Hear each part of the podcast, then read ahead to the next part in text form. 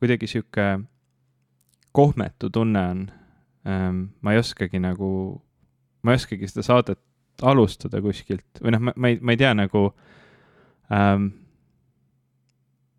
või, või noh, ma ei tea, kas see on sellest, et on mingisugune paus vahele jäänud ähm,, sest ma ei, ma ei tea, millal, mitu nädalat nüüd on viimasest osast möödas, aga ma, ma arvan, et see on vist kauem, kui meil tavaliselt on osade vahel ähm,. ja. kas ei ja... ole kuu aega umbes? Praegu on kümnes jaanuar mm. -hmm. oota, ma vaatan, ma pean meie kodukalt vaatama no vot, ei mäleta, onju. mis meie koduka aadress on? aa, popkulturistid.com. jah, see on siuke lihtne ähm, kolmeteistkümnes detsember oli see, kui mm -hmm. eelmine osa ja täna on kümnes, eks ole, jaanuar. ja täna on kümnes ja nii et kuu aega. jah, ja noh, muidugi vahepeal on vahetunud aasta mm. -hmm. me ei ela enam aastas kaks tuhat kakskümmend, mida, mida vähemalt meie põlvkond äh, peab, äh, peab üheks halvimaks aastaks, millal elada mm. -hmm. me elame aastas kaks tuhat kakskümmend üks ja lisaks sellele mina, mina ei ela enam Belgias, vaid, vaid ma elan Eestis mm. -hmm. nii et hästi palju on vahepeal juhtunud, mis muidugi noh, ka selgitab võib-olla seda, miks, miks siis tõesti on kuu aega läinud mööda, sest kuigi äh, mul ei kadunud ära nagu soov äh, sinuga rääkida siin vahepealsel perioodil, et ma ei tahtnud sellest nagu otseselt puhata, siis äh, mul praktiliselt ei olnud võimalik vahepeal saadet teha. ja nüüd on kohmet olla. see on täiesti mõistetav, mõistetav on see paus ja mõistetav on ka sinu kohmetus. Äh, sest et ma arvan, et keskkonnavahetus eriti muudab kohe ju üldse kõike. kõik on natuke mulle... teistmoodi. Ja sa vahetasid töökohta isegi, nii et noh, ma ei tea, sul on ju kõik asjad, kõik, kõik, kõik on uus nagu. ma kunagi äh,, kunagi kirjutasin mingisuguse artikli sellest, kuidas vaata iga, väidetavalt iga seitsme aasta tagant nagu inimene võiks ennast käsitleda nagu uus inimene, aga tegelikult noh, isegi nii, nii suure keskkonna ja töö ja kõige vahetusel ma nagu tunnen, et see inimene, kes ma olin Belgias ja sellest ei ole nagu väga kaua aega möödas, et seda inimest nagu otseselt enam ei ole, et, et ma, ma praegu mm -hmm. nagu mhm. tunnen, et ma, et ma tegelikult olengi täitsa nagu äh,, täitsa nagu teine inimene, et, et sul on nagu uus saatejuht. Äh,. Mm, ma, ma ei, ma ei tea, kas see nagu peegeldub kuidagi milleski. Ähm.... no saab näha, aga ma olen põnevil igal juhul. Mm.. ma vaatasin, sama, sama vana Moilu vaatas, vaatab vastu telefoni ekraanilt Facetime'i kaudu, aga tuleb välja, et sisu on uus, nii et äh, inimene on an, uus. anna, anna tulla kas nii öeldakse? anna minna öeldakse, kas anna tulla öeldakse ka või? no minu meelest võib öelda küll, anna tulla või. võib-olla nüüd öeldakse. ma arvan, et see võiks olla meie see, see bränding, et popkulturistid, anna tulla äh,. jah äh,, ma, mul on tegelikult, enne kui me siin päriselt alustame, mul on sulle sihuke küsimus ka, et äh, vaata aasta lõpus inimesed, inimesed teevad igasuguseid kokkuvõtteid oma aastast ja, ja räägivad, noh, noh ku,, kuidas nagu oli, on ju. et, et mis nad kõike tegid ja, ja mis nad õppisid ja mida nad ootavad võib-olla ka uuelt aastalt ja me ei saanud seda teha just sellel põhjusel, et, et noh, me unustasime seda teha oma, oma aasta viimases saates, sest mina vähemalt tol hetkel veel kujutasin ette, et äkki, äkki teeme ühe veel mm. -hmm.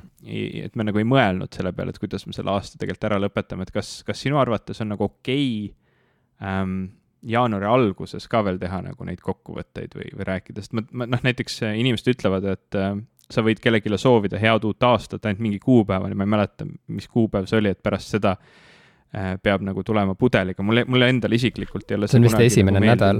aa, esimene nädal, mul, mul ei ole kunagi see reegel nagu meeldinud, mitte et noh, otseselt ma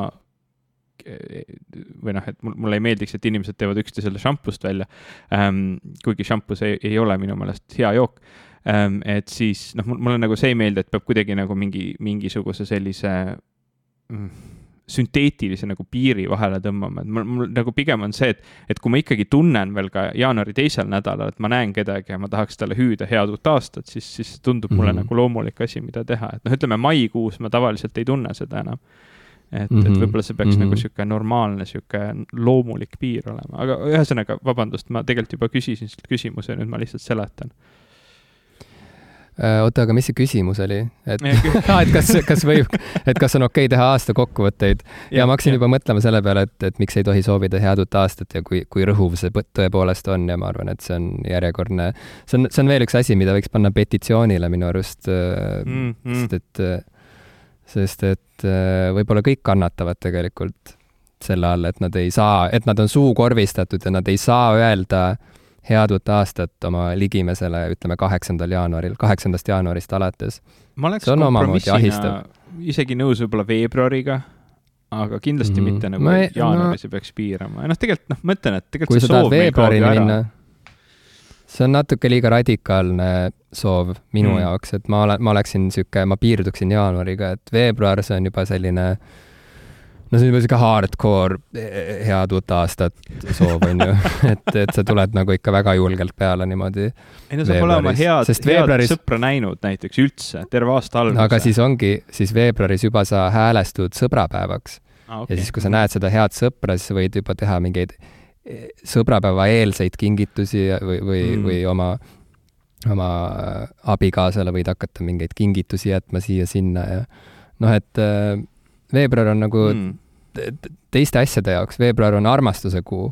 ma juba täitsa unustasin ära selle, et sõprad, sõprade päev tuleb, sellepärast et mina veebruaris hakkan tavaliselt mõtlema kannatamatult, et kas juba võib äh, vastlakukleid küpsetada ja ma kunagi ei tea, mis mm. kuupäeval võib ähm,. aga ma iga aasta nagu ootan seda hästi ja siis ma, ma kipun nagu selle sõbrapäeva poole üldse ära unustama, sest see mm. ei ole mm, seotud mm -hmm. kuklite küpsetamisega mm. -hmm no vot, näed, et igasuguseid asju tuleb äh, pärast jaanuari ja ega jaanuaris nagu suurt midagi muud ei toimu, kui et äh, lihtsalt aasta on uus ja ja mm tahaks kangesti soovida head uut aastat inimestele, kellele veel pole soovinud, aga suukorv on ees ja lihtsalt mm ei saa, ei lubata, noh, ühiskond äh, taunib põhimõtteliselt mm. -hmm. aga miks, miks mitte teha aasta kokkuvõtteid kümnendal jaanuaril või ütleme, jaanuari teisel nädalal millalgi, sest et tegelikult, olgem ausad, see aasta kokkuvõte, mis siin saates kõlama jääb, on ju see, mis tegelikult loeb, see, mida mm -hmm. tegelikult on oodatud, et unustage ära igasugused muud, ma ei tea, Pitchforki top sada albumit või mis iganes Eesti Ekspressi mingisugune arvamusliidrite äh, arvamusliidrite edetabelite koondtabelid, see kõik on niisugune nagu eelsoojendus ikkagi äh, popkulturistide aastakokkuvõttele ja seda me lahkesti ikkagi ju pakume.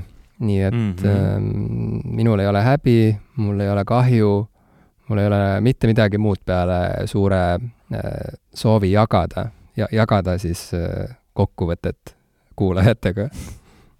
no jagame siis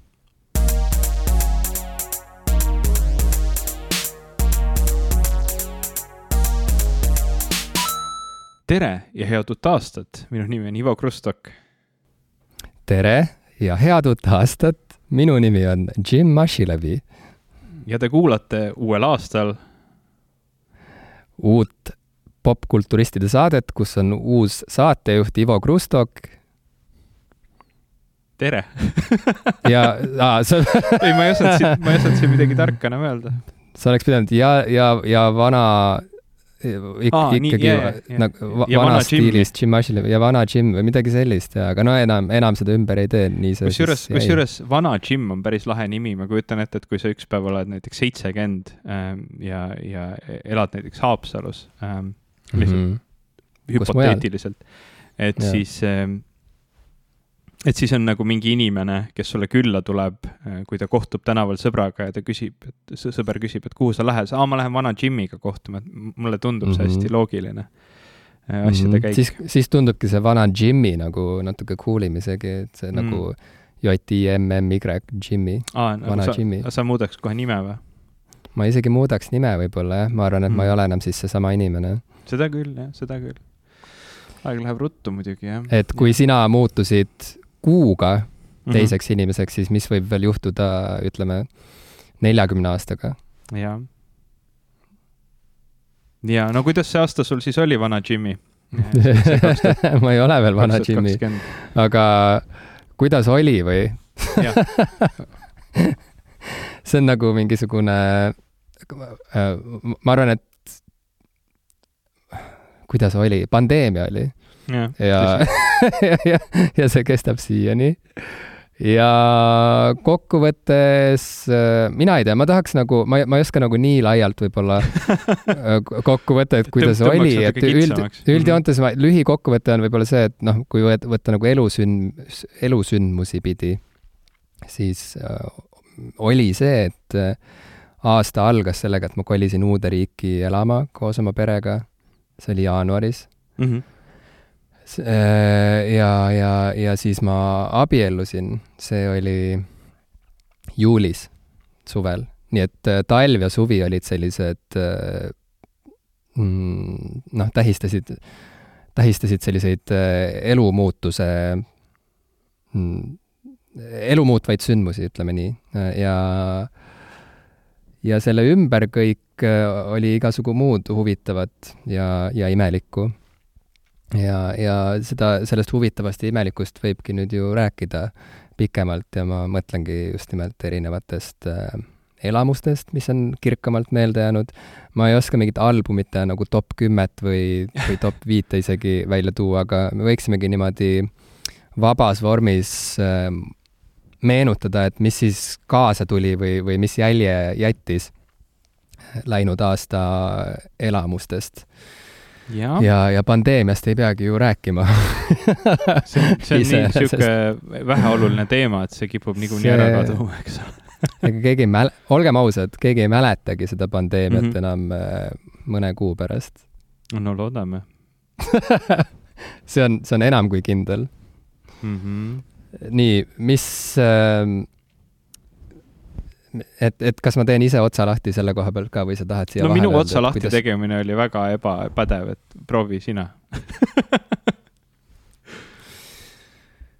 Mulle hmm,, kui, kui ma hakkan niimoodi freestyle ides meenutama, et mis mulle, mis mu tähelepanu haaras läinud aastal, siis äh, mu tähelepanu haaras näiteks see, mida Taylor Swift tegi millegipärast hmm.. et mulle tundus, et see, kuidas ta sinna, kuidas selle kampsuni selga tõmbas ja oma sinna palkmajja äh, ära kadus ja, ja, ja kaks albumit seal kokku pani ja välja lasi koostöös erinevate andekate heliloojatega nagu Jack Antonoff näiteks ja ja see The Nationali mees, kelle nimi mulle meelde ei tule praegu mm,, et see oli nagu niisugune tore näide sellest, kuidas inimene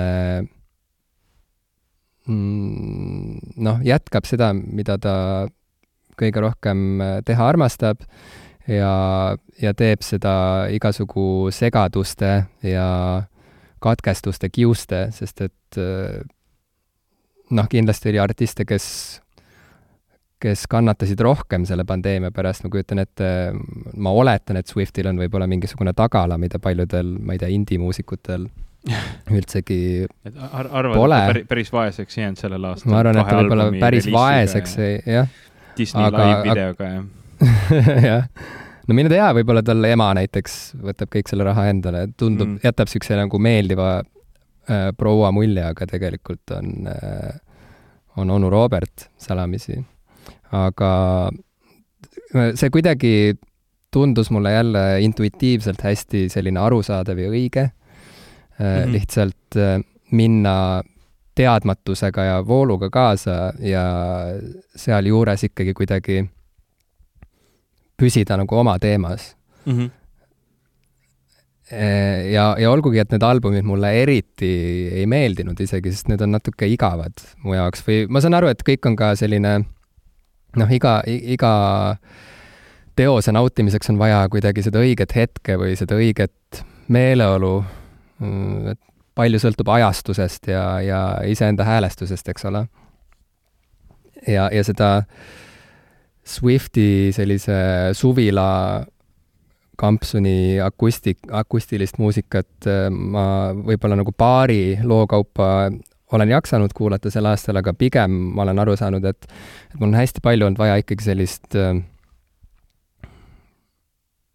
käima tõmbavat muusikat võib-olla, sest et äh, seda, mis nagu hoogu maha tõmbaks, on niigi väga palju hetkel äh, mm -hmm. igal pool, nii et äh, selline krapsakam ja, ja, ja sellest tulenevalt ka tegelikult natuke nagu pealiskaudsem selline muusika kuulamine iseloomustas vägagi minu läinud muusika-aastat tegelikult mm. -hmm.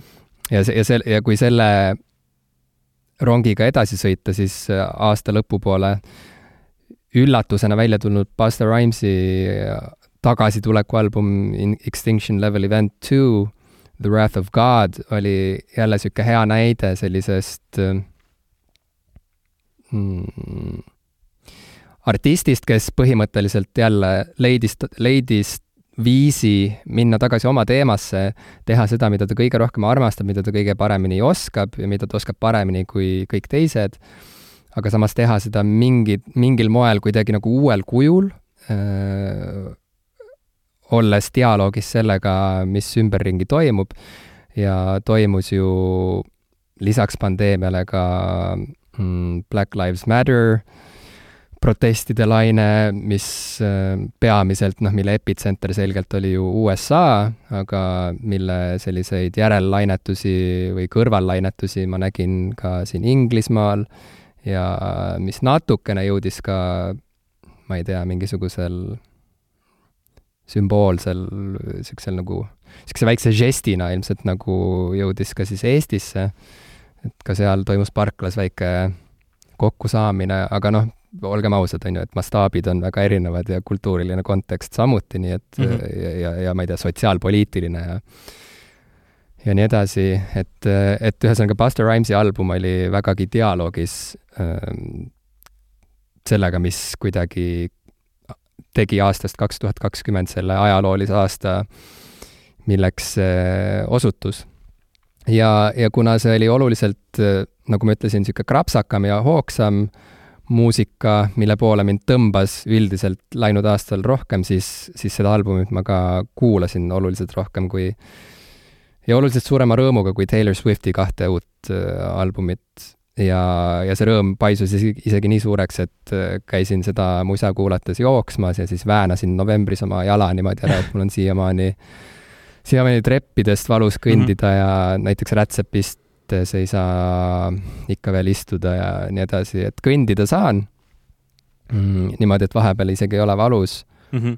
aga jaa, et see toibumine võtab veel aega, et see oli, noh, nii rängalt ei olegi vigastanud veel oma jalga kunagi varem, et, et ka see oli kas, oluline kas sul nüüd mingit sellist psühholoogilist äh, sidet ei ole, et kui sa Buster Rhymesi kuulad, siis hakkab jalg valutama?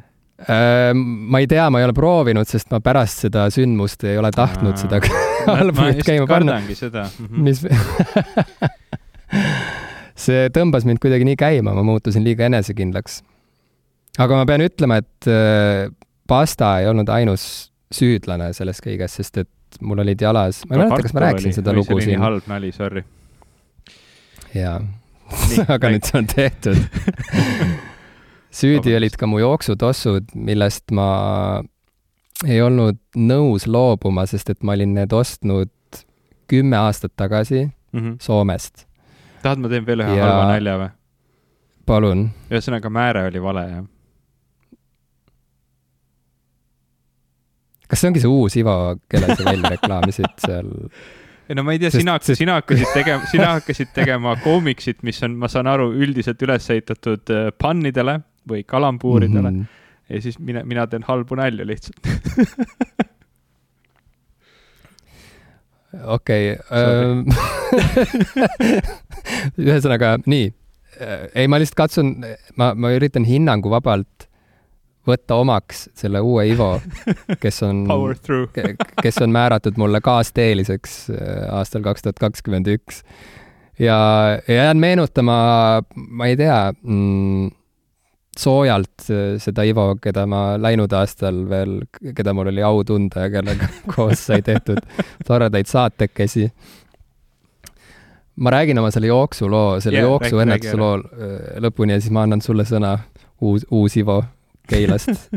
et äh, ühesõnaga, et süüdi olid ka mu jooksutossud, mul oli, mul oli väga tugev side nende tossudega sest et need olid, need tossud on, on mul kaasas olnud alati, kui on olnud mingid olulised sellised äh, teetähised teatris mul, kui ma olen äh, näiteks valmistunud mingiteks olulisteks rollideks, siis nende tossudega ma mm, tegin soojendust harilikult, käisin jooksmas ja kuidagi võtsin ennast käsile ja, ja siis nad, ja need tossud veetsid ka palju kuid ja isegi aastaid ka erinevatel pööningutel ja erinevates karpides aga lõpuks need tossud jõudsid ka minuga koos Inglismaale, kus siis ma otsustasin, et võib-olla on aeg neid pesta, mitte et nad oleks olnud meeletult räpased, sest nagu ma ütlesin, ma kasutasin neid väga pisteliselt mm. -hmm. aga pesin neid pesumasinas mida ma ei soovita küll teha inimestel mm. -hmm. ma, ma olen kusjuures mitu varasemalt... korda seda mõelnud, et äkki peaks ka seda tegema, aga ma, ma olen internetist otsides olen leidnud ka vastuseid, et see vist, vist ei ole nagu väga hea mõte.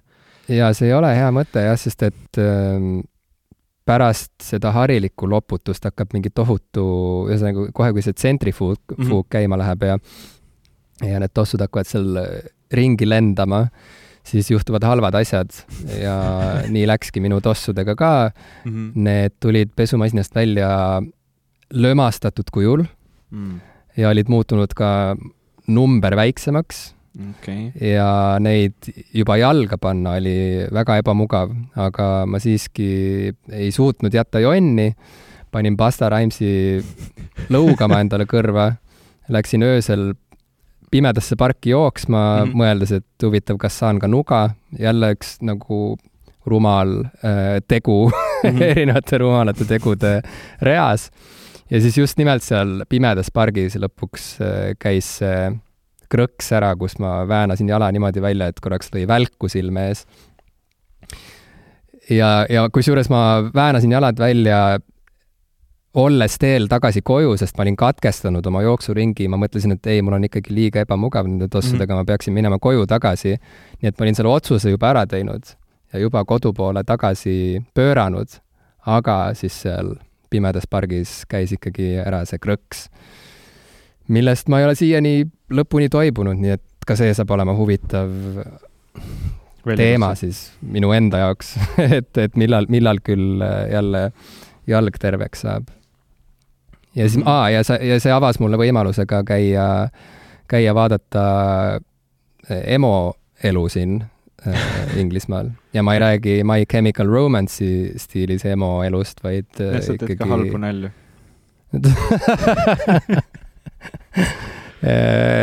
vaid, vaid EMO-st räägin jah -hmm. ja, ja see oli ka huvitav, seal sai nalja. see palju kiidetud NHS, mida, mida sa said siis väga lähedalt tundma õppida seal oli jah, noh, see oli selles mõttes lahe, et äh, huvitav on näha noh, üleüldse, et, et mis see, mis see mu meditsiiniline tagala siis siin on mm, -hmm. eks ole, et kui midagi juhtub, siis kuidas inimesed seal suhtlevad mm -hmm. teiste inimestega, kui kiiresti üldse abi saab ja nii edasi, kes kellele helistab ja, ja abi sai väga lihtsalt, ma pean seda küll ütlema, ja kõik olid väga sõbralikud ja nii edasi, aga lihtsalt tõesti oli ka imelik äh, pandeemia tõttu sest et kõik on nii kuidagi noh, niisugune tohutu pusle või niisugune tetris käib mm, -hmm. et kes kuhu tuppa võib nüüd minna, kes kust võib astuda, kuhu, kes millisele toolile võib ooteruumis istuda ja nii edasi.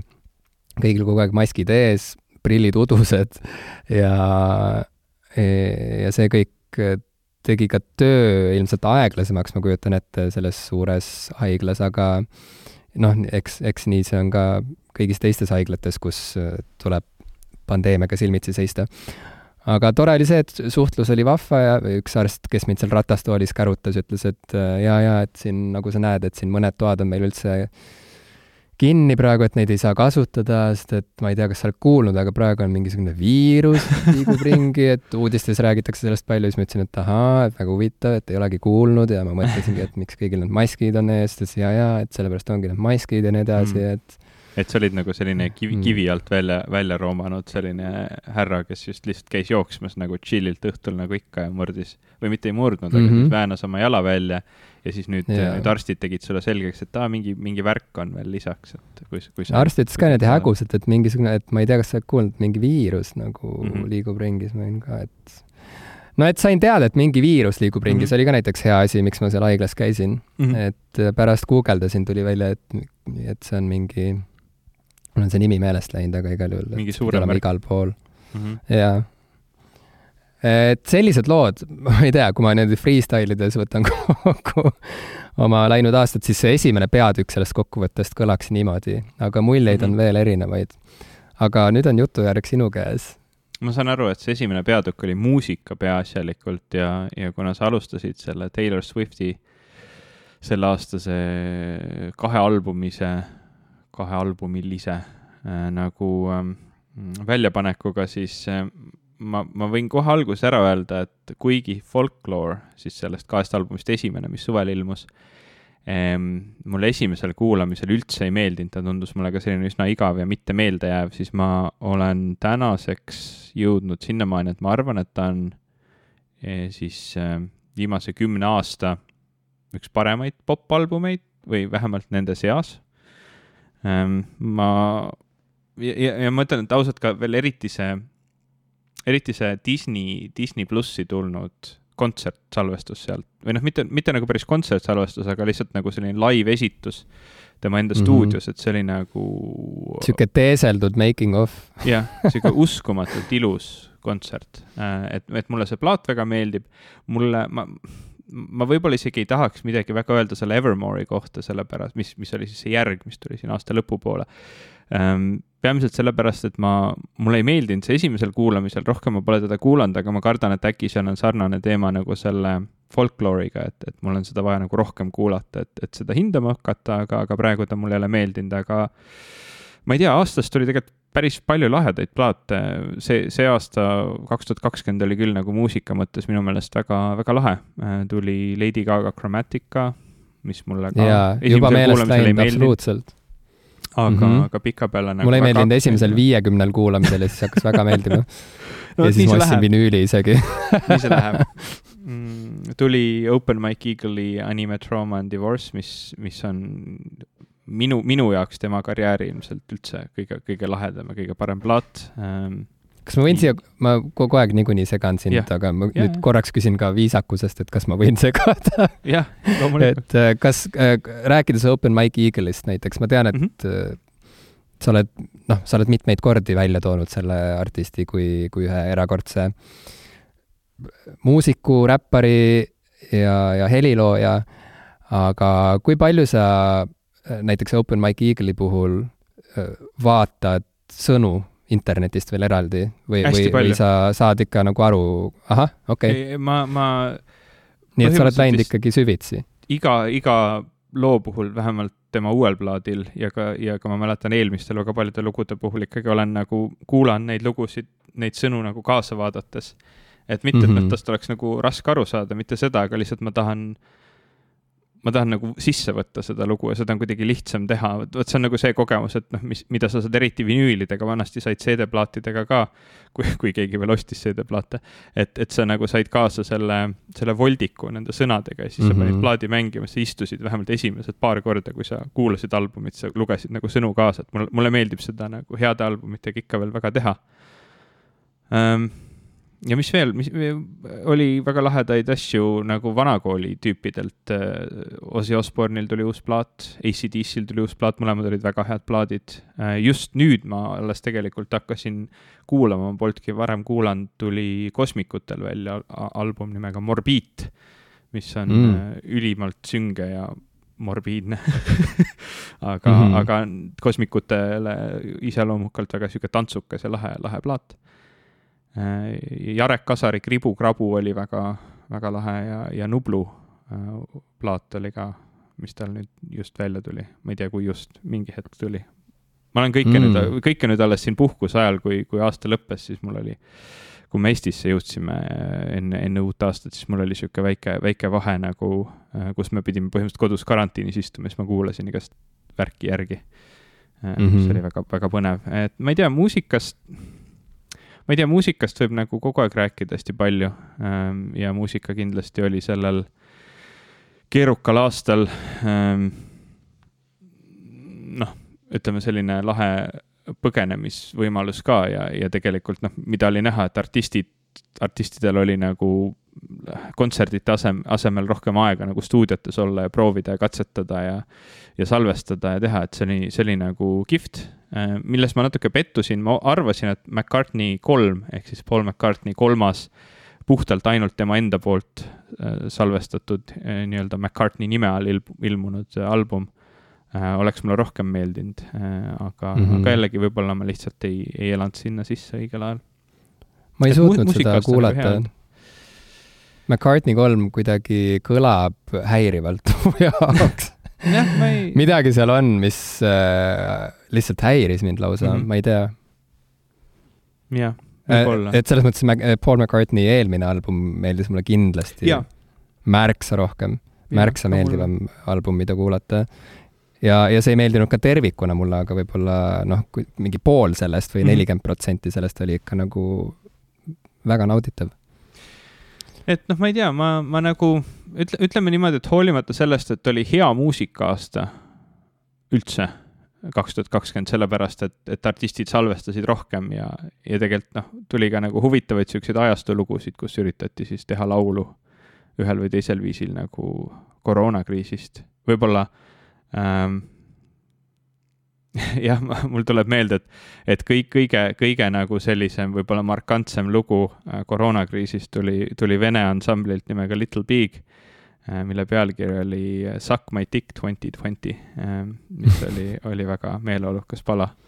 nagu, nagu nende Okei. puhul on kohane, aga ei, ma ütlen, et noh, kuigi oli nagu huvitav ja lahe muusika-aasta, mis, mis võib-olla oleks kaalunud üle kõik muud muusika-aastad nagu tavaolukorras, siis ma ütleks, et et eh, just kaks tuhat kakskümmend puhul ei olnudki muusika võib-olla selline asi, mis mulle kõige suurema, ma ei tea, vot nii, nii, nii veider on seda öelda, sest noh, me kõik teame, mis jättis nagu kõige suurema mulje aastal kaks tuhat kakskümmend, aga nagu ütleme, oli hea Mhm. muusika-aasta, aga ma kuidagi nagu ei kipu seda, kipu seda mõtlema, et kui me siin mingi, mingi hulk saateid tagasi virisesime, et ei tule enam nagu, kuidagi ei tule sellist ähm, ma vist isegi ei, ei ütleks, et min, minu mõte ei olnud selles, et ei tule head muusikat, aga ei tule sellist legendaarset muusikat või sihukest nagu ajastu defineerivat sellist, mis jääb nagu hästi kauaks ajaks ja mis on, mis on sündinud hästi pikka aega, et ei tule sellist nagu suurt muusikat väga palju välja, siis ma ütleks, et kaks tuhat kakskümmend minu jaoks tuli nagu igasugust sellist väga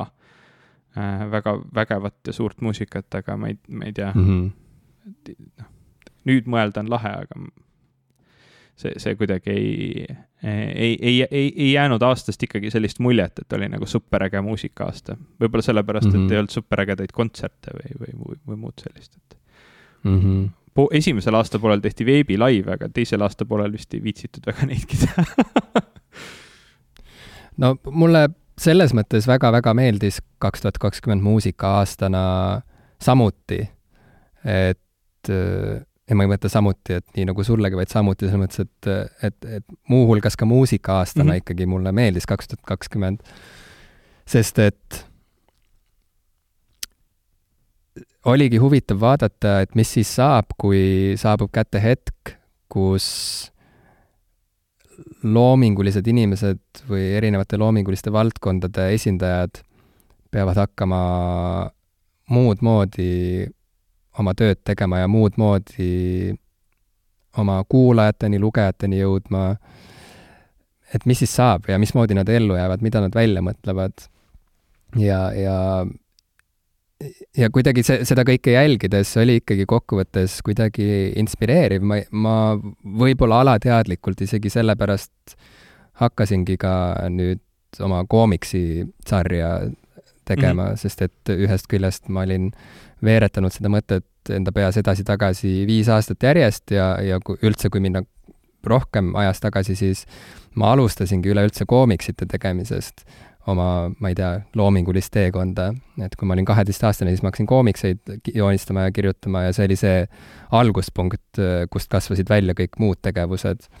aga vaadates kaks tuhat kakskümmend aastal erinevate muusikute erinevaid äh, lahendusi, siis äh, lockdownis äh, istumise, kiuste oma töö jätkamisele ja oma publikuga suhtlemisele, siis see oli, ma ei tea, kuidagi äh, vajalik, kui nii võtta, on ju. noh, et, et, et pandeemia ei olnud vajalik, aga see, mismoodi see kõik sundis inimesi ka enda jaoks täpsustama, et mis siis ikkagi on oluline, millele ikkagi tasub aega pühendada ja mis tegelikult on, on selline, ilma milleta saaks ka vabalt hakkama.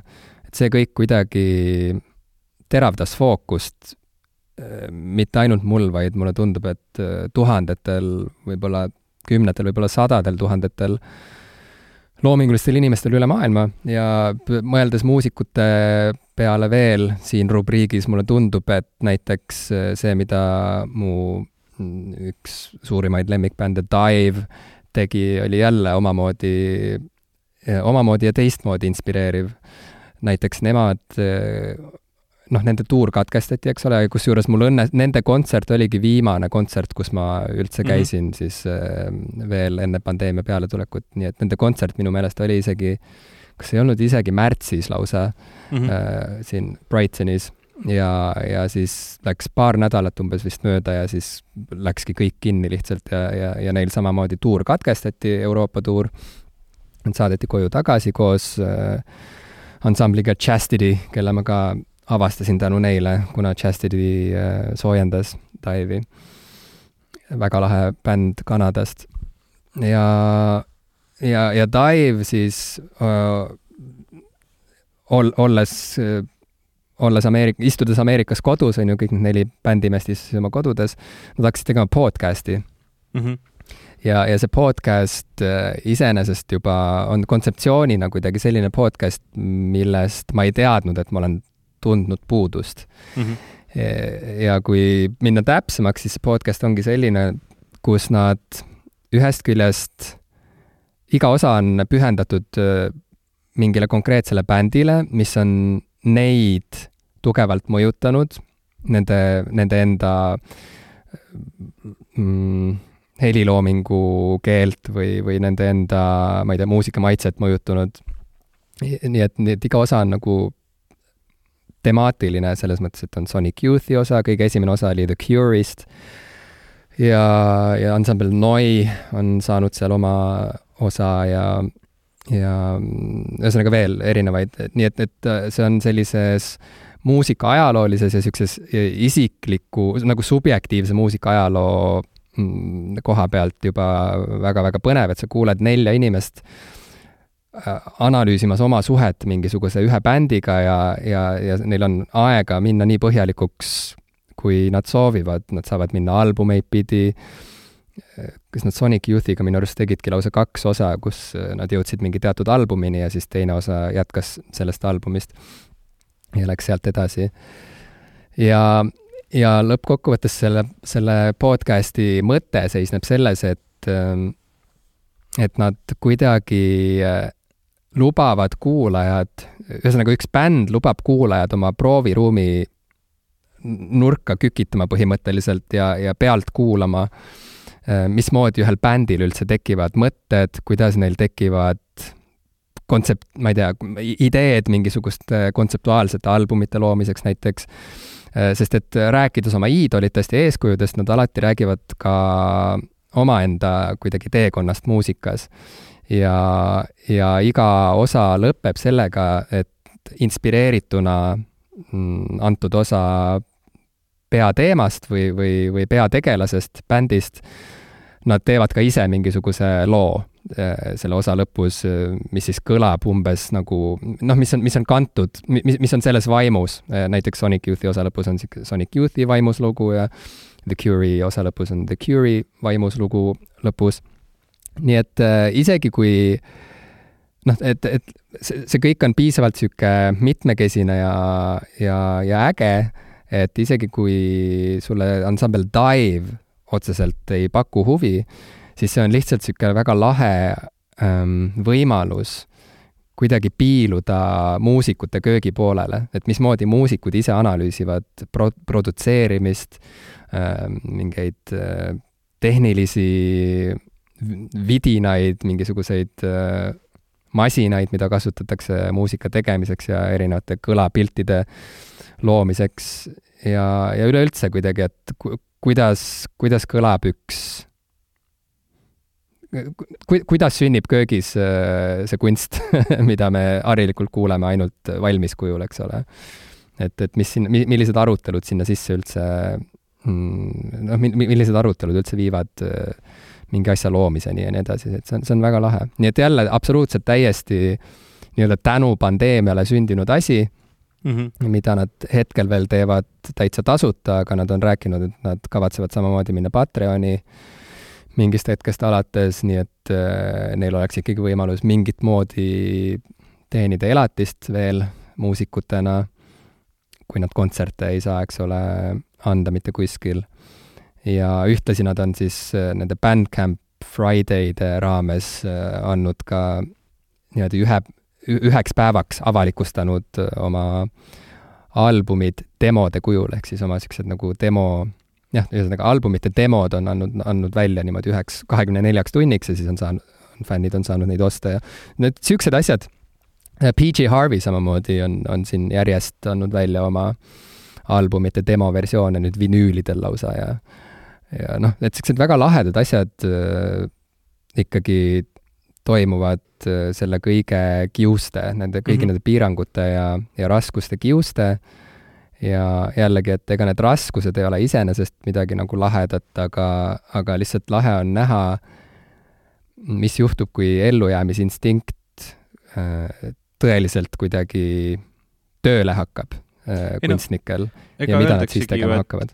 et piirangud nagu ju on pigem nagu aitavad loomingut või, või selles suhtes, et, et kui, kui sul ei ole mm -hmm. nagu mhm. piiranguid, siis, siis, siis sa ei tea järsku nagu midagi, mida peale hakata, et see kõik, kõik on nagu võimalik aga et yeah., et nii kui sa nagu piirad selle kõik ära või ma tean, et Jack White äh, White Stripesist äh, siis alguse saanud või oma, oma nii-öelda kuulsused alguse saanud muusik on, on kord, kogu aeg rääkinud, et temale meeldib nagu hästi-hästi ennast piirata, sellepärast White Stripes oligi nii minimalistliku olemusega, noh, ta, ta ka rääkis, et noh, ma võtan endale hästi halva kitarri, mis on mingi plastmassist tehtud ja ja, ja umbes ongi ainult see kitarr ja trummar ja nüüd ma vaatan, mis ma sellega nagu teha saan, on ju, et noh, et, et, -hmm. et mhm. siis, siis nagu on huvitavam kui see, et mul oleks nagu maailma parimad võimalused mm. -hmm, mm -hmm. aga siukseid asju ma märkasin ise ka näiteks Äh, kunagi, no tegelikult on ta mänginud küll nüüd hästi paljudes äh,, hästi paljudes koosseisudes, aga minule siis Pink Floydist peaasjalikult tuttav bassist Guy Pratt siis tegi sellise, sellise Youtube, või noh, oma Youtube'i kanalis hakkas siis tegema selliseid videosid nagu Lockdown Licks äh,, kus ta mm -hmm. siis rääkis kuulsamatest äh, lugudest, äh, kus ta mänginud on ja, ja rääkis nendest bassikäikudest ja miks nad sellised on ja millise instrumendiga ta mängis ja miks sellised valikud on tehtud ähm,. et selles osas äh, mm,, ütleme sellist nagu väga põnevat kraami, mida ilmselt ilma selle, selle pandeemiata ei oleks tulnud, on, on sellel aastal kindlasti palju tulnud ja, ja see annab väga, ma usun, et nagu ka mina isegi ütleks, et pigem äkki tulevikuks sellist, sellist huvitavat materjali, mida nagu, mille järgi, mille järgi kõike selles eelmises aastas olnud nagu kuidagi konteksti panna ja uurida ja, ja, ja see on hästi põnev aga ma ei tea, kuidas sinuga on, ma olen seda kuulnud mõnelt teiselt inimeselt veel. Ehm, ja, ja see on selles suhtes nagu sihuke, sihuke huvitav asi, et mida kauem see aasta kestis või ütleme siis ka niipidi, et mida kauem see pandeemia kestis, et siis kui selline esialgne või ütleme, esimese laine kevade ajal oli see tunne natukene selline värskem seda kõike tarbida, et oli selline tunne, et, et noh, nüüd ma siis olen rohkem kodus ja, ja loen ja vaatan kõiki neid sarju ja asju ja, ja, ja kuulan kõike seda muusikat ja muud, milleks nagu varem aega ei olnud. et see oli selline nagu, ma ei tea, ma mõtlen vähemalt minu jaoks nagu esialgu oli lausa selline, selline positiivne asi. siis mida mm -hmm. aasta nagu edasi, seda, seda vähem ma seda tahtsin või ütleme niimoodi, et tekkis selline nagu väsimus või nagu soov seda mitte teha. et noh, nagu hoolimata sellest, et justkui nagu aega oleks olnud ja, ja oli palju huvitavaid asju, siis, siis kuidagi selle nagu, selle kõige muu taustal, võib-olla selle pandeemia ja kogu selle ärevuse ja kogu selle nagu mm, teadmatuse taustal oli tegelikult päris keeruline ka, ka kõiki neid ägedaid asju nautida seetõttu mm -hmm. ma mhm. võib-olla ütlengi, et võib-olla mulle on nagu päris paljud nendest asjadest kas nagu mööda läinud või ma siis nagu ei leidnud seda mm,, seda õiget tunnetust neid isegi nautida. ma, ma ütleks ausalt, et eh, pärast seda, kui ma Eestisse kolisin, mis oli võib-olla minul nagu Belgiaga võrreldes selline ähm, teistsugune tunnetus, et noh, siin ma Äh, noh, mu igapäevgi on väga erinev, et tõesti ka Eestis on ju täna veel olukord väga halb, halvem, kui siin on varem kunagi üldse olnud ilmselt äh, just pandeemia mõttes. mm. -hmm. ja, ja, ja justkui nagu see ärevus pole ära läinud, siis noh, võrreldes sellega, et Belgias ma olin ikkagi Brüsselis keset suurt linna ja mul oli nagu piiratud võime liikuda seal just noh, igasugustest praktilistest muredest ähm,. kaasa arvatud see, et mul ei ole autojuhilube ja autot, et siis nüüd siin nagu Keilas olles ma võin suhteliselt vabalt ja, ja ilma igasuguse ärevuseta minna metsa alla jalutama iga päev ja, ja teha seda nagu pikalt ja mõnusalt ja, ja nautida seda. et siis nüüd ma tunnen palju suuremat avatust äh, nii lugemiseks kui ka sarjade vaatamiseks kui ka äh, muusikaks äh,. et, et mul nagu, mul on toimunud mingi shift ja ma ütleks, et minu jaoks iseloomustab nagu meediatarbimist kahe tuhande kahekümnendal aastal hoopis arvutimängud äh,. Mm -hmm. sest neid ma tarbisin oluliselt rohkem sellises seisundis, kus ma tundsin, et ma pean äh, justkui nagu välja lülitama või minema kuhugi nagu teise maailma.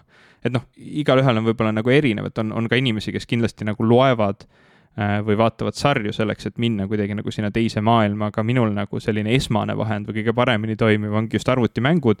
Ja seetõttu mm -hmm. ma ütleks, ma mängisin päris palju.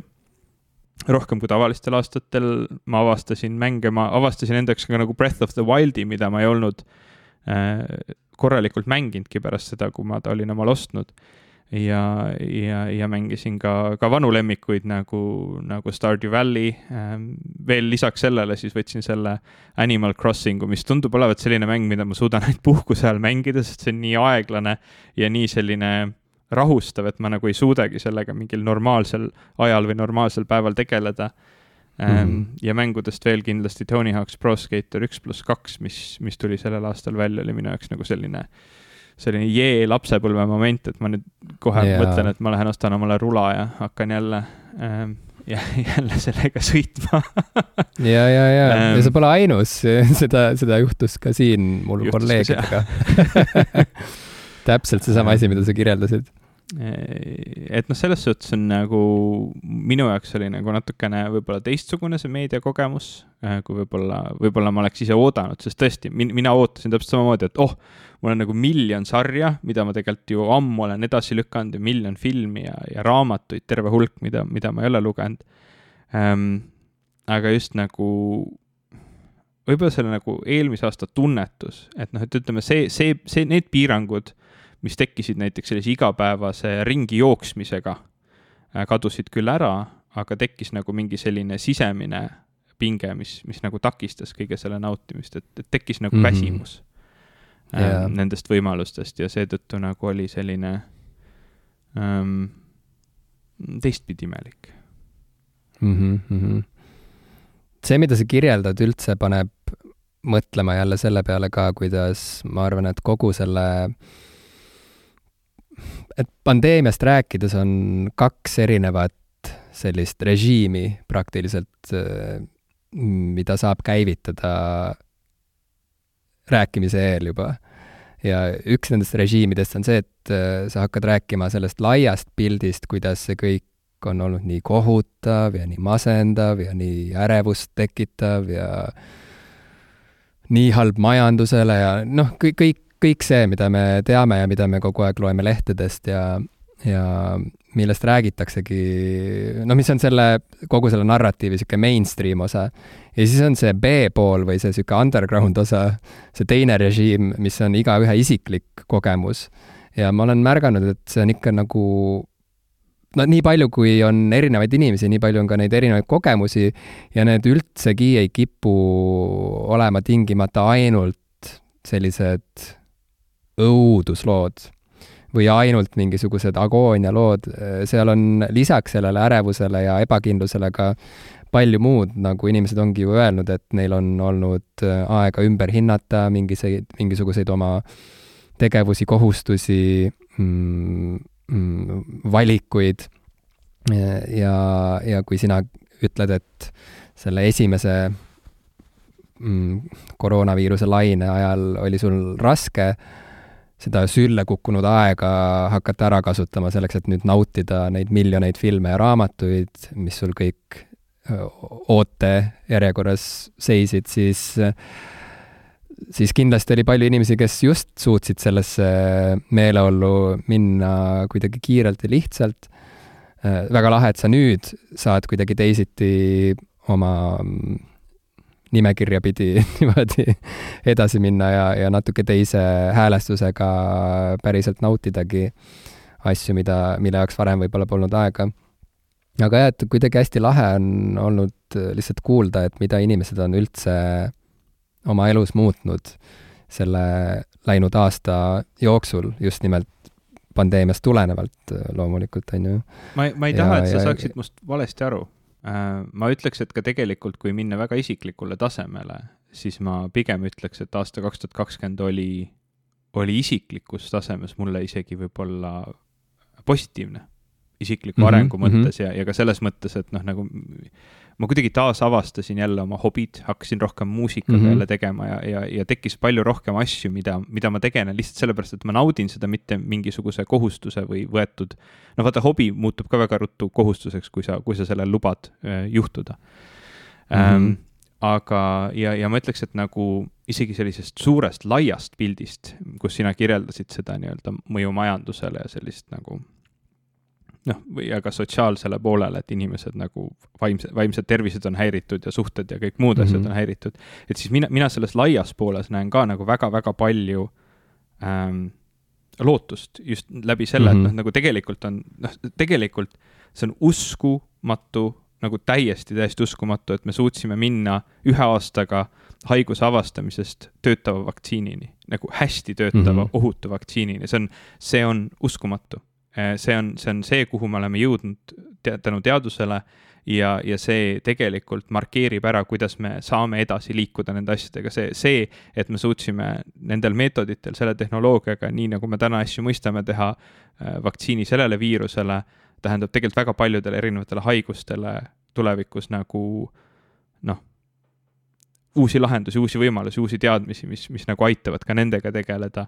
ja, ja, ja minu jaoks on nagu väga-väga võimas ja, ja ka see pool nagu noh, tegelikult väga palju ka nagu seda sotsiaalset poolt, kuidas inimesed on suutnud rohkem kokku tulla ja, ja, ja, ja, ja rohkem nagu paindlikumad olla üksteise suhtes võib-olla lihtsalt üleüldiselt mm -hmm. ka mhm. nagu sellises sotsiaalses viisis, et, et minu jaoks need on nagu väga, väga positiivsed aspektid. Ähm, ja, ja, ja ma ei, ma ei tea, et ütleme nii, et täna me muretseme selle pärast, et kui kiiresti saab, eks ole, vaktsineerida inimesed ära, et saaks nagu noh, et saaks juba nagu rutem ja, ja kõike väga, väga seda, et ma ütleks, et see on nagu väga hea probleem, mida omada, kuigi noh, minnes nagu viroloogia ja, ja, ja epidemioloogia sisse, et siin, siin on ka nagu omasid muresid, et miks aeglasem võib olla nagu halvem ka selle tõttu, aga ütleme nii, et neli kuud tagasi veel ma lihtsalt nagu hoidsin oota, et miks aeglasem võib olla halvem? Noh, ütleme, et miks Pare, me peaksime, et ütleme, et äh, minu, minu point on selles, et äh, me peaksime tõesti kiiresti tegutsema vaktsiiniga arusaadavalt, sest, sest jokutamine võib, võib olla halb. Äh, noh, lihtsalt mm -hmm, viirused muteeruvad okay. ja kõike muud. aga mm,, aga ütleme, see on nagu parem probleem omada kui see, et mingi circa neli kuud tagasi ma, ma ei olnud üldse kindel et me siia üldse mm -hmm. jõuame niimoodi. et mm, -hmm. et mhm. meil oleks üldse vaktsiin, et selles suhtes on nagu nagu see progress ja see pool on olnud nagu uskumatult positiivne ja, ja, ja nagu toitev ja, ja, ja, ja võime, võimestav. Ähm, et, et see on nagu lahe olnud. ja noh, tegelikult ka mm -hmm. see, et inimesed tõesti noh, nagu mõistavad kõike seda keerukust ja raskust ja, ja, ja, ja kannavad maske ja, ja, ja võimaldavad teistel nii-öelda noh, nagu või noh, hoiavad ennast nagu ka eemale riskirühmadest ja, ja püüavad neid aidata läbi teiste viiside, et see kõik on olnud nagu hästi positiivne, hoolimata siis mõnedest näidetest, kes, kes vastupidiselt käituvad, aga noh, inimesed on erinevad, inimestel on erinevad soovid ja vajadused ja, ja inimesed väljendavad ka oma hirmu äh, väga erinevatel viisidel, et noh, see on kõik yeah. arusaadav aga, aga ma ütleks, et kuidagi mingil sihukesel vahepealsel tasandil, mida ma ei oska nagu päris hästi selgitada, siis see väsimus, mis sellest kõigest tekib, on see, mis mul nagu tegelikult takistas äh, väga paljuski eelmist aastat nagu nautimast, hoolimata sellest, et mm -hmm. seal olid nagu nii isiklikul kui nagu globaalsel tasemel mulle väga palju väga positiivseid asju mm. -hmm. see oli mingi vahepeal väga... selline minu ärevustase, lihtsalt üleüldine ärevustase ilmselt takistas mul mul tegelikult mm -hmm. väga palju seda aastat nautimast. jaa, ei, sa kirjeldad nii hästi kuidagi seda meeleseisundite konflikti või, või koosmõju, äh, mis, milles ma arvan, päris paljud inimesed võivad end end samuti ära tunda ja mina, mina samamoodi praegu kuidagi sain aru, mida sa rääkisid ja see tundus mulle nagu tuttav, ehkki ma ei olnud seda enda jaoks niimoodi isegi sõnastanud, sest jaa, kui ma vaatan möödunud aastale tagasi, siis ühest küljest ma samamoodi võin öelda, et see oli minu jaoks isiklikult erakordselt hea aasta. see oli nii õnnelik aasta mul, mul endal oli palju õnne ja, ja juhtusid ka noh, mõned väga ma ei tea, kauaoodatud ja, ja ilusad, tõeliselt ilusad äh, asjad nagu noh, ongi nagu abiellumine näiteks, mis on üks asi, mida ma, ma ei tea, mingist hetkest alates võib-olla enam üldse ei kujutanud ette, et, et, et võiks juhtuda äh,. ja, ja lisaks, ja, ja üldsegi mitte kea pärast, mu abikaasa pärast, vaid sellepärast, mis äh, missugune oli võib-olla, millised olid mu kahekümnendad näiteks, et see, see kõik ei sisendanud usku, ütleme väljavaadetesse nagu abielu näiteks, aga äh, sellele lisaks ka uude riiki kolimine iseenesest, kuigi me kolisime just enne pandeemiat, mis äh, oh jah. noh, pani kinni igasugused võimalused, mis muidu oleksid olnud ju igati vahvad, äh, sellised tervituskingitused uue riigi poolt meile nagu, nagu erinevad kultuurisündmused ja ja ma ei tea, reisimisvõimalused ja nii edasi, et me veetsime ikkagi väga palju aega kodus, aga see kõik on ikkagi olnud väga-väga lahe, sest me elame väga lahedas linnas, mere ääres ja, ja isegi see, kui kõik meelelahutusasutused on olnud kinni ja sisuliselt on olnud võimalik ainult käia poest, ma ei tea, makarone ostmas on see ikkagi kokkuvõttes olnud kuidagi äh, isiklikus plaanis ilus aasta ja seda on natukene ka kuidagi raske öelda äh, või, või isegi, ma ei tea, selle, selle ütlemine teeb kuidagi väga ettevaatlikuks mm., sest nagu sa ütlesid, see ärevuse foon, mis samal ajal kõike saadab, mis, äh, mis kuidagi niimoodi suriseb, kõige selle all meenutab ju pidevalt, et no jaa, väga tore, et sul oli isiklikus plaanis ilus aasta, samal ajal mm erinevad haiglad äh, olid täiesti ülekoormatud äh,, meditsiinitöötajad tegid äh, ebainimlikke, töötasid ebainimlikes tingimustes, tegid nii pikki ületunde, et ilmselt toibuvad sellest veel, ma ei tea, aastaid. Paljud inimesed reaalselt noh, pidid jätma hüvasti igaveseks oma lähedastega ja võib-olla neil ei olnud isegi võimalust äh, neid korralikult ära saata, võib-olla neil ei olnud isegi võimalust minna matusele kohale, et see kõik on ju ka kogu aeg taustal olemas, aga noh, jällegi selline see aasta oligi, see oli suurte kontrastide aasta selles mm -hmm. plaanis ka, et äh, samal ajal, kui toimusid mingid nagu väga jubedad sündmused ja sinna juurde noh, tulebki ju kõik see, kõik see Ameerikas toimuv, toimunu ja, ja endiselt toimuv ka, kus me vaatasime noh, olime sunnitud nägema videoid äh, väga võikast vägivallast ähm,, väga suurest ebaõiglusest ja, ja, ja jõhkrusest ja kuidagi noh, see, et see, see kõik ju noh, oli, oli äärmiselt kuidagi õõvastustunnet tekitav ja, ja kuidagi tegi jõuetuks niimoodi, et, et noh, tahes-tahtmata tekkis tunne, et, et milleks üldse osaleda inimkonnas milleks üldse, noh, mille jaoks, et mm, -hmm. et kui see kõik milleks on see kõik? tegelikult ikkagi nii, nii kaootiline ja nii äh, kannatusterohke ja nii edasi aga jah, kontrastide aasta selle kõige juures, selle kõige õuduse juures oligi, nagu sa ütlesid, täitsa võimalik leida ka, leida endas üles mingisugune uus äh,, uus suund, mingisugune uus huvi, mingisugune, mingisugune uus tahtmine, mingi uus usk, kes seal, ma ei tea, ikkagi tõmbas käima mingi täiesti uue, ma ei tea, rubriigi oma elus äh, äh, hakates aednikuks või, või hakates oma kätega ehitama asju või, või hakates, no et kõik see oma kätega, võib-olla see oli ka ju nagu väga oluline meeldetuletus, et kui palju me saame kõik ise ära teha tegelikult selleks, et äh, oma elukeskkonda muuta mõnusamaks ja et muuta oma rutiine kuidagi äh, meeldivamaks ja, ja, ja ma ei tea, oma, oma huve rohkem teenivamaks. mulle, mulle on ikkagi ja põhiline mälestus ilmselt see, kuidas me kolleegidega võrdlesime, kes kuidas saia küpsetab kodus, et see oli nagu ikka, ikka väga mm -hmm. teema mm. -hmm. väga, väga, väga lahe. ja Aga... see kõik on igati, igati hea. sa, noh, mit-, mitte, et ma arvaks, et seda peab kuidagi sulle meelde tuletama, ma tõesti ei arva seda, aga küll, küll aga nagu ma arvan, et hästi oluline on märkida ära siiski ka see, et hoolimata sellest, et vahetus aasta, et see, millest sa nagu minevikus rääkisid, kui, kui need haiglad on ülekoormatud, inimesed kaotavad lähedasi ja, ja, ja kõik, kõik see nagu toimub täna ja, ja veel hullemini kui eelmine aasta edasi. no absoluutselt. et, et siin, siin, siinjuures noh, nagu kuidagi see mõte, et see kohutav kaks tuhat kakskümmend on meie selja taga ja nüüd on korras, on, on hästi nagu lihtne tekkima, eriti sellepärast, et noh, tegelikult mi, mina isegi ütleks, et see on hea, et meil on selline asi nagu aastavahetus, et see, see võimaldab nagu kuidagi, kuidagi uue, uue mõtlemisega edasi minna, aga, aga see ei tähenda mm, -hmm. et need, need asjad, mida sa nagu, mis on nagu minevikuga tulevad, lihtsalt kaovad ära. minu lootus yeah. muidugi on, et, et, et see aasta ja tegelikult see eesolev kümnend on, on nagu võib-olla sellest kõigest nagu ma ei tea, siis paranemise aasta, aga noh, sa tõid, eks ole, näiteid ka poliitikast. Äh, noh, kui, kui võtta eelmine aasta kokku kahe märksõnaga, siis pandeemia ja poliitika minu jaoks on, on need, need kindlasti mõlemad ülimalt olulised ja mina olen inimene, kes püüab vältida uudiseid ja, ja kes tegelikult mm, -hmm. kes, kellele väga ei meeldi olla aktiivne osaline poliitikaprotsessis.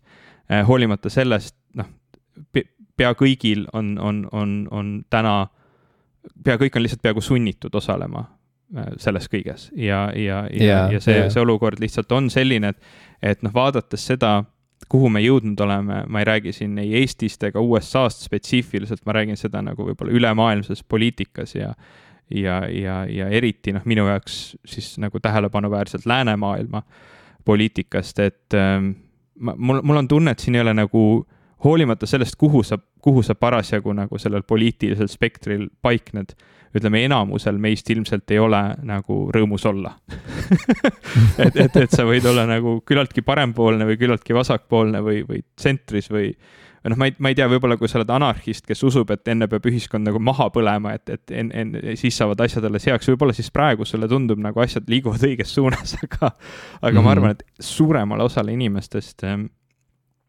ei ole nagu praegu hea olla äh, selle, sellega mm, -hmm. mis, mis nagu toimub. ja, ja noh, siin võib vaadata nagu igale poole, et kes ja kuidas ja, ja kes selles siis täpselt süüdi on, mul, mulle väga meeldib avada Reddit ja lugeda, kuidas kõik on ke kellegi väga spetsiifilise inimese või, või, või mingite spetsiifiliste valijate või, või mingite spetsiifiliste erakondade süü, aga noh, lõpuks äh, lõpuks see on lihtsalt see ühiskond, kus me, kus me täna oleme ja, ja me oleme väga lõhestunud nende asjadega ja, ja, ja noh, sama, samamoodi nagu ma loodan, et me saame võib-olla selle, selle kõige nagu pandeemia kontekstis ja selle raskuse ja, ja, ja, ja kurbuse kontekstis nagu taasavastada need noh, nagu väljaelamise rõõmud üks, üks hetk, kui me jälle nagu saame välja liikuda sellest pandeemiast eh,, siis ma loodan, et me, me saame ka nagu teatud mõttes sellise ma ei tea, lihtsalt nagu rõõmu ühiskonnas olemisest äh, taas, taas leida või nagu kogukonnas olemisest riigis või, või, või rahvuses või, või, või milles iganes siis äh, keegi ennast suuda- ta,, tahab või, või, või rõõmustab identifitseerimisele, et me kuidagi nagu et, et tuleks nagu jälle rõõmu kokku, sest mul on tunne, et nagu noh, kui me vaatame nagu poliitilist diskursust või arutelust, siis nagu rõõmu on jube vähe, et nagu pigem on sellist nagu, sellist nagu viha ja, ja, ja yeah., ja, ja kui, kui peale eelmist pandeemiat sada aastat tagasi tulid need nii-öelda rõkkavad kahekümnendad või roaring twenties, et siis, siis äkki, kui me nüüd nagu suudame, suudame seljatada need suuremad probleemid, mis, mis meil täna pandeemiast on, et siis äkki see, see rõõm, mis ühiskonnas nagu selle taasvabanemisega kaasneb, et äkki see kuidagi aitab meil leida rõõmu ka rõõmu ka selles nagu muus ühiskondlikus diskussioonis, sest noh, lõpptulemusena arvamused ei ole lihtsalt arvamused, arvamuste taga on inimesed ja kuidagi peab läbi saama ka nendega, kellega sa nagu ühel meelel ei ole ju. ja, ja mm, -hmm. ja, ja ma kahtlen, et viha seda nagu väga aitab mm. -hmm. et yeah., et ma ei tea jah, selles suhtes kui, kui, kui nagu võtta võib-olla kõige nagu niisugusem väge, vägevam kultuuriline teos, mille, mille otsa ma sattusin aastal kaks tuhat kakskümmend, siis võib-olla see isegi on Obama raamat ähm, mm mis, mida ma ei ole kaugeltki läbi lugenud, ma arvan, et ma olen mingisuguse. ma just mõtlesin, et see on ju selline tellis, et kas sa tõesti sina no, kui krooniline lugemist. raamatute poolelijätja minu lugemist arvestades siis A Promised Land, mis on siis esimene osa tema memuaarist sinna tuleb veel ilmselt umbes sama mm palju juurde. Äh, et ma olen võib-olla mingi viisteist kuni kakskümmend protsenti vist sellest läbi lugenud. Ähm, okei no aga. see on päris hea saavutus minu, minu, minu puhul nii, niikuinii. aga, aga noh, tõesti, seda on, ähm, on, on värskendav lugeda, milline võis olla ka sellises nii-öelda väga Äh, poliitiliselt lõhestunud riigis nagu USA ähm, mi-, milliseid nagu asju toimus veel mitte väga kaua aega tagasi, noh, kas või, kas või mm -hmm. nagu Obama enda kandidatuur ja tema platvorm, aga noh, ütleme ka tema, tema vabariiklastest vastased ja, ja, ja noh, nagu John McCain, kes, kes ilmselt ei oleks täna kunagi see vabariiklase nagu presidendikandidaadina rõõmus selle üle, kuidas üldse kogu see, kogu see asi täna üldse seal riigis on mm. -hmm. ei, ei, ei peaks ta seda ilmselt väga rõõmsaks et, et noh, selles suhtes oli, on nagu huvitav seda, seda pilti täna vaadata ja kuulata ja, ja, ja, ja nagu võib-olla taas läbi elada asju, mida ma tol ajal väga ei mõistnud ja, ja ei näinud. ja mõelda, et tegelikult on ju võimalik, eks ole, ka, ka sinna tagasi liikuda ja isegi veel paremate olukordade poole tagasi liikuda mm. -hmm. ja siis jälle tulla alla sealt ja jälle muda loopida ja siis jälle äkki paremaks, sest, sest nii need asjad lähevad mm. -hmm. jaa ähm,, ma ei tea, võib-olla selle kõige valguses ongi jälle vaja rääkida natukene ka sotsiaalmeediast, sest et kaks tuhat kakskümmend oli hea näide. kallal popkulturistid on tagasi ei no lihtsalt äh, seoses sellega, et Trump, Trumpi Twitter kinni keerati mm. -hmm ma saan aru, et määramatuks ajaks, mitte, mitte iga, mitte tingimata igaveseks mm, -hmm. aga, aga praeguse seisuga määramatuks ajaks.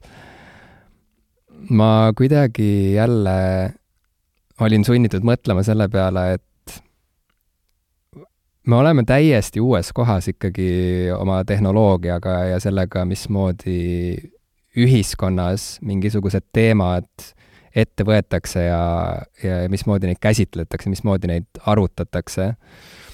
ja selline avaliku foorumi vajadus on ju igas ühiskonnas ja ilma selleta ei toimukski ju mingisugust sellist kogukondlikku suhtlust, see on ju hädavajalik selleks, et, et üldse mingisugune kogukond koos püsiks ja sealt laiemalt siis äh, ühiskond, sealt edasi on ju riigid omavahel ja nii edasi, aga ma ei tea, mida sina arvad sellest, et äh, Trumpi Twitter, Twitteri enda poolt kinni pandi, näiteks minu meelest see, ma ei tea, mulle tundub see, ma, mul ei ole valmis vastust sellele, aga kuhu ma oma mõtetega jõudsin, oli lihtsalt see, et äh, et me olemegi mingis kohas, kus on tegelikult vaja töötada välja mingisugused uued reeglid ja, ja me ei ole veel jõudnud selleni, et, et need reeglid kuidagi normaalsel kujul mm -hmm. saaksid äh, hakata kehtestuma, ilma et see ei oleks kuidagi nagu imelik, sest et äh, jah, ühest küljest ju ma saan aru sellest, sellest õilsast eesmärgist kuidagi piirata äh, vägivald, vägivallale õhutavate sõnumite levitamist, äh, piirata üleüldse sellist, äh, ma ei tea, vägivalla fetišeerimist, äh, on ju, laiade masside silme ees ja nii edasi. aga kas see jällegi, teisalt jällegi ei lähe ei kaldu mingisse teise äärmusesse, kus me läheneme sellisele suurele nagu tehnodüstoopiale, kus, kus tegelik võim ongi suurkorporatsioonide käes, kes äh, otsustavad, kellele anda sõna ja kellele mitte, ja see juba on selles mõttes olulisem ja määravama tähtsusega võim, kui on äh, nii-öelda vanakooli võimu esindajatel, nagu näiteks president ähm,. ma ei tea, mida sina arvad sellest? See on, see on, see on nagu väga huvitav hetk, kus olla iseenesest ajaloos. jah, no see on nagu selline hea kütus kaklusteks nagu ükskõik kelle vahel lõpmatuteks tundideks ähm,. jaa. sa ütlesid, et meil oleks nagu vaja uusi reegleid, mida kokku leppida, ma ei, ma ei ole siinkohal nõus ähm,. üheksakümnendate mm. internetikasutajad mäletavad sellist, sellist toredat sõna nagu netikett. ehk siis netietikett mm, -hmm. mis on sõna, mida ma ei ole näinud nagu kaugemal kui kui vanad sellised väga algses HTML-is kirjutatud eh, lehed eh, internetis, mis, mis reaalselt olidki nagu mingi tüüp nagu notepad'is kirjutas kunagi valmis, kus, kus on nagu selline noh, tõesti must, must ta- või valge taust, must tekst, eks ole, ja sinised hüperlingid mm. -hmm. aga, aga netikett on, on, oli siis täiesti teema, sellest räägiti mina mäletan seda ja, ja, ja kui ma vaatan nagu praegu neid, neid, neid põhireegleid, et mäleta seda, et, et seal te, teine inimene, kellega sa räägid, on inimene.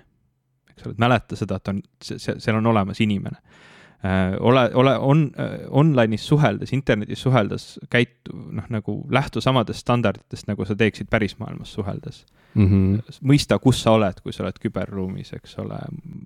respekteeri teiste inimeste aega ja, ja noh, ütleme interneti kontekstis ka ribalaiust, et nagu sa ei noh, see, see oli tol ajal nagu olulisem, et sa ei topi nagu liiga suuri pilte oma lehele, mida siis kellegi modem peab üliaeglaselt alla vedama ähm, mm. -hmm. Vaata, et sa, et sa näed hea välja internetis, ma ei tea, täpselt see reegel on natuke keeruline aru, mõista tänases kontekstis võib-olla, aga noh, Insta, Instagram, eks ole, make, make yourself look good online kõlab nagu, nagu Instagram ähm,. Mm -hmm. jaga oma eksperditeadmisi äh,, ära, ära lase nagu nendel flame war idel või siis nagu internetikaklustel kontrolli alt väljuda.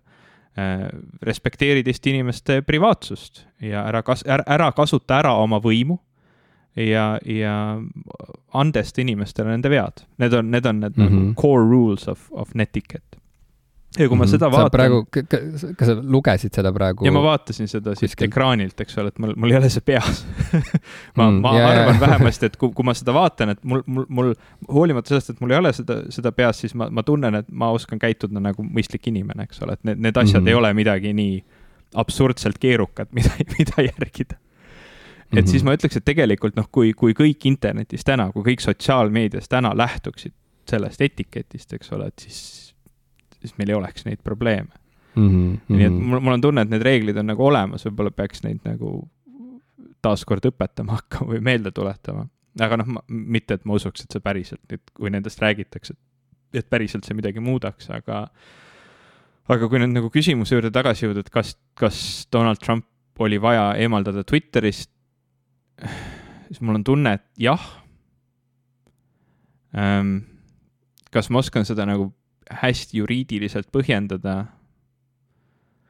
pigem vist mitte, et noh, ütleme igasugune nagu tsensuur, isegi vajalik, toob kaasa päris palju küsimusi äh,. igasugust tsensuuri saab kasutada ka noh, ütleme selle vastu, mida sa võib-olla ise usud. aga noh, antud mm -hmm. kontekstis seda ar, arvestades seda, kuidas ta kasutas erinevaid sotsiaalmeediaplatvorme, millist infot ta seal jagas ja milliselt võimupositsioonilt ta seda tegi ähm,, siis võib-olla tõesti on, on, on vastus see, et meil lihtsalt ei ole tööriistu, et sellega teistmoodi toime tulla mm. -hmm, ja noh, kui mm, -hmm. kui jõuda sõnavabaduseni, siis sõnavabadus on tegelikult riigi teema Mi. minu arusaamist mööda sõnavabadus tähendab seda, et riik ei tohi piirata sinu sõnavabadust. kui seda teeb mm -hmm. üks mhm. tehnoloogiaettevõte, et noh, me tihti unustame ära, Twitter ja Facebook ei ole nagu, nagu, nagu riigid, nad, nad, nad on ettevõtted, nad on ärid mm. -hmm. see on see, et nagu nad on nagu Coca-Cola või, või midagi, eks ole. et nagu seda, seda peab meeles pidama, eriti kui sa nagu mõtled selle peale, et huvitav, kuidas nad raha teenivad ja mis minu roll seal on, aga noh, see on nagu pikem jutt. aga, aga ütleme niimoodi, et, et kui mina olen platvormi omanik erafirma juhina, noh loomulikult jah, minu huvi on see, et inimesed saaksid seal platvormil võimalikult vabalt seda platvormi kasutada, kasutada suhtluseks igasugustel viisidel. aga kui seda platvormi kasutatakse päris maailmas kohutavate asjade kordasaatmiseks, siis mm -hmm. minul selle juhina tekiks kindlasti ebamugavus. Ja soov seda võib-olla takistada. sõnavalik ebamugavus jah, no, noh, mõtled, ma ei tea, mõni asi tekitab ebamugavuse, aga kui mingid nagu väga mhm. kohutavad asjad tekivad läbi minu platvormi, siis minul isiklikult tekiks ka isiklik vastutus yeah,. ma, ma tunneksin yeah., et mina olen võimaldanud nendel kohutavatel asjadel juhtida. nii et kui mina oleksin selle platvormi juht, siis kuigi ma tean, et noh, võib-olla ma peaksin distantseerima ennast seda ja kindlasti mu aktsionärid arvaksid, et me peaksime distantseerima ennast sellest, siis minul mhm, isiklikult mm, -hmm. mina tunneksin küll vastutust ja, ja, ja isiklikult ei laseks sellistel, sellistel nagu, sellisel infol liikuda oma platvormil. kas meil on täna head, häid tööriistu, kuidas üldse kogu seda infot ja jura nagu üksteisest eraldada ja kogu see nii-öelda valefaktide ja muu asja levik, et noh meil tegelikult ei ole ja, ja antud kontekstis, kui oli selline inimene, kes sellisel viisil oma võimu, noh, sellel platvormil tegelikult ju kuritarvitas, siis võib-olla tõesti ei jäänudki muud üle, kui, kui tal takistada seda platvormi mhm. kasutada mm. -hmm. aga noh, kas see tegelikult lahendab probleemi, noh, pigem mitte. juba liiguti järgmisesse no,, järgmisesse sotsiaalmeediateenusesse aa, kuhu, kuhu liiguti siis? mul ei tule selle nimi meelde, see väga kiiresti ka bänniti ära, siis ütleme, noh, see, see oli nagu eraldi äh,, eraldi mingi äpp, Parler, vot ma võtsingi The Verge'i kiiresti ette, oli Parler, mingi sihuke mm. rakendus, kuhu siis kõik olid, kõik see nii-öelda Ameerika paremäärmus oli, oli siis arvamusi vahetama läinud, äh, kui, kui neid Twitterist nagu eemale lükati, siis muidugi äh, nii, nii Google App Store kui ka siis, või see Google Play Store ja, ja iOS App Store siis mõlemad äh, võtsid selle ära äh, oma, oma mm -hmm. rakenduste seast, et, et kuna seal siis ka õhutatakse neid, neid koledaid asju, siis mm -hmm. jah. ja et see on kaks asja, mul on kaks kommentaari alustuseks, võib-olla see, et tõepoolest vahendit ennast ei saa süü-, noh, see on natuke nagu see arutelu, nagu see relvaloa arutelu USA-s, on ju.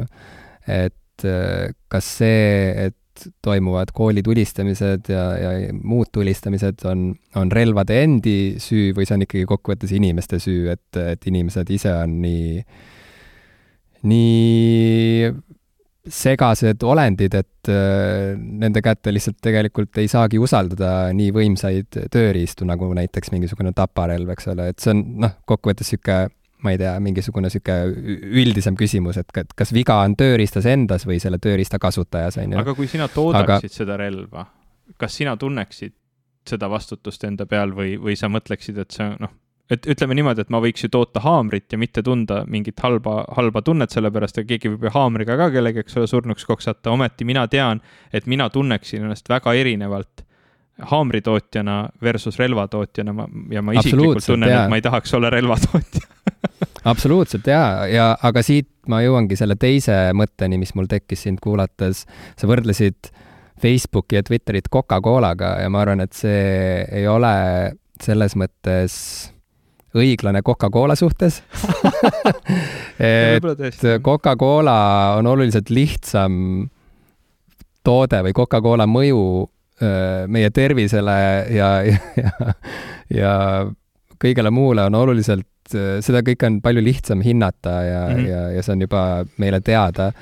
aga mis puudutab sotsiaalmeediat, siis kaks tuhat kakskümmend oli noh, ka selle koha pealt jälle äh, oluline aasta, et see pani jälle, see, see joonis veel kord alla, kui halvasti töötab sotsiaalmeedia mm -hmm. või kui tege-, kui, kui, kui vähe kasu sellest äh, tegelikult on ja kui palju, võrreldes sellega, kui palju kahju sellest tuleneb, kui palju täiesti asjatuid, mõttetuid tülisid öö, äh, tõmmatakse käima sotsiaalmeedias ja, ja kokkuvõttes ka, kui palju valeinformatsiooni liigub sotsiaalmeedias puhtalt sellepärast, mismoodi sotsiaalmeedia on disainitud. puhtalt sellepärast, kuidas sotsiaalmeedia on äh, disainitud niimoodi, et äh, kirgi ülesküttev info liigub kiiremini ja, ja kuidas inimesi grupeeritakse erinevatesse infomullidesse, mille tulemusel tekib optiline illusioon, et tõde on üks ja, ja, ja, ja, ja tõel ei ole teisi tahkusid ja siis, kui need erinevatest mullidest pärit inimesed kokku satuvad, siis, siis nad äh, dialoogi pidamise asemel lihtsalt äh, hakkavad võitlema omavahel. E, e, et tekibki selline vanaroomalik selline noh, sihuke, sihuke avalik, sihuke, sihuke verevalamine, on ju, et mm, -hmm. et see on sihuke show kokkuvõttes ja siis samal ajal korporatsioonid rikastuvad ja, ja ühiskonnad, ma ütleks, nagu murenevad tegelikult, kui mitte, ma ei tea, kui mitte niimoodi formaalselt, siis ikkagi vähemalt mingil moraalsel tasandil või, või, või emotsionaalsel või psühholoogilisel. Ja, ja selle kõige näiteks meenub mulle, kui, kui tahta tuua veel säravaid teoseid ja, ja, ja muljeid välja läinud aastast, siis, siis alustuseks ma pean ütlema, et, et läinud aasta on sellepärast minu jaoks oluline meediatarbimise osas, et kui sa ütlesid, et sa üritad uudiseid mitte lugeda, siis ma endiselt olen selles mõttes sinuga samas paadis, et ma ka igapäevaselt, on ju, ei, ei loe läbi äh, uudisteportaalide e-, esilehti ja nii edasi, aga ma hakkasin lugema paberajakirjandust uuesti mm -hmm. ja, ja tellisin endale mõned ajakirjad koju ja neist peamine ikkagi on, on Wired minu jaoks ja Wired'is oli mm, seal, seal noh, üldiselt ma nüüd ütleksin nagu üheksakümmend protsenti sellest on lihtsalt niisugune mudru ja ilusad pildid, äh, mis kokkuvõttes erilist nagu jälge ei jäta, mis on võib-olla korraks lahe sirvida, aga ikkagi igas numbris on olnud vähemalt üks lugu, mis on pannud mõtlema ja, ja, ja mis on jäänud kummitama ja, ja kui mõelda, et äh, mis on olnud üks selline uuriva ajakirjanduse tippteoseid minu jaoks läinud aastast, siis see, see oligi ajakirjas Wired ilmunud äh, lugu pealkirjaga The True Story of the Antifa Invasion of Forks, Washington, mille kirjutas Lauren Smiley. Ja niisugune nagu pikemat sorti lugu ja väga hästi, ma ütleks nagu sellise nagu tõelise nagu kirjaniku andega äh, kokku kirjutatud lugu sellest, kuidas ühes Ameerika äh, väikelinnas mis äh, muidu on igatpidi perifeerne ja mida tuntakse võib-olla ainult äh, sellepärast, et äh, selles samas linnas leiab aset äh, vampiiriromaanide saaga Twilight mistõttu müüakse selles linnas ka palju Twilighti teemalisi meeneid ja, ja, ja vidinaid.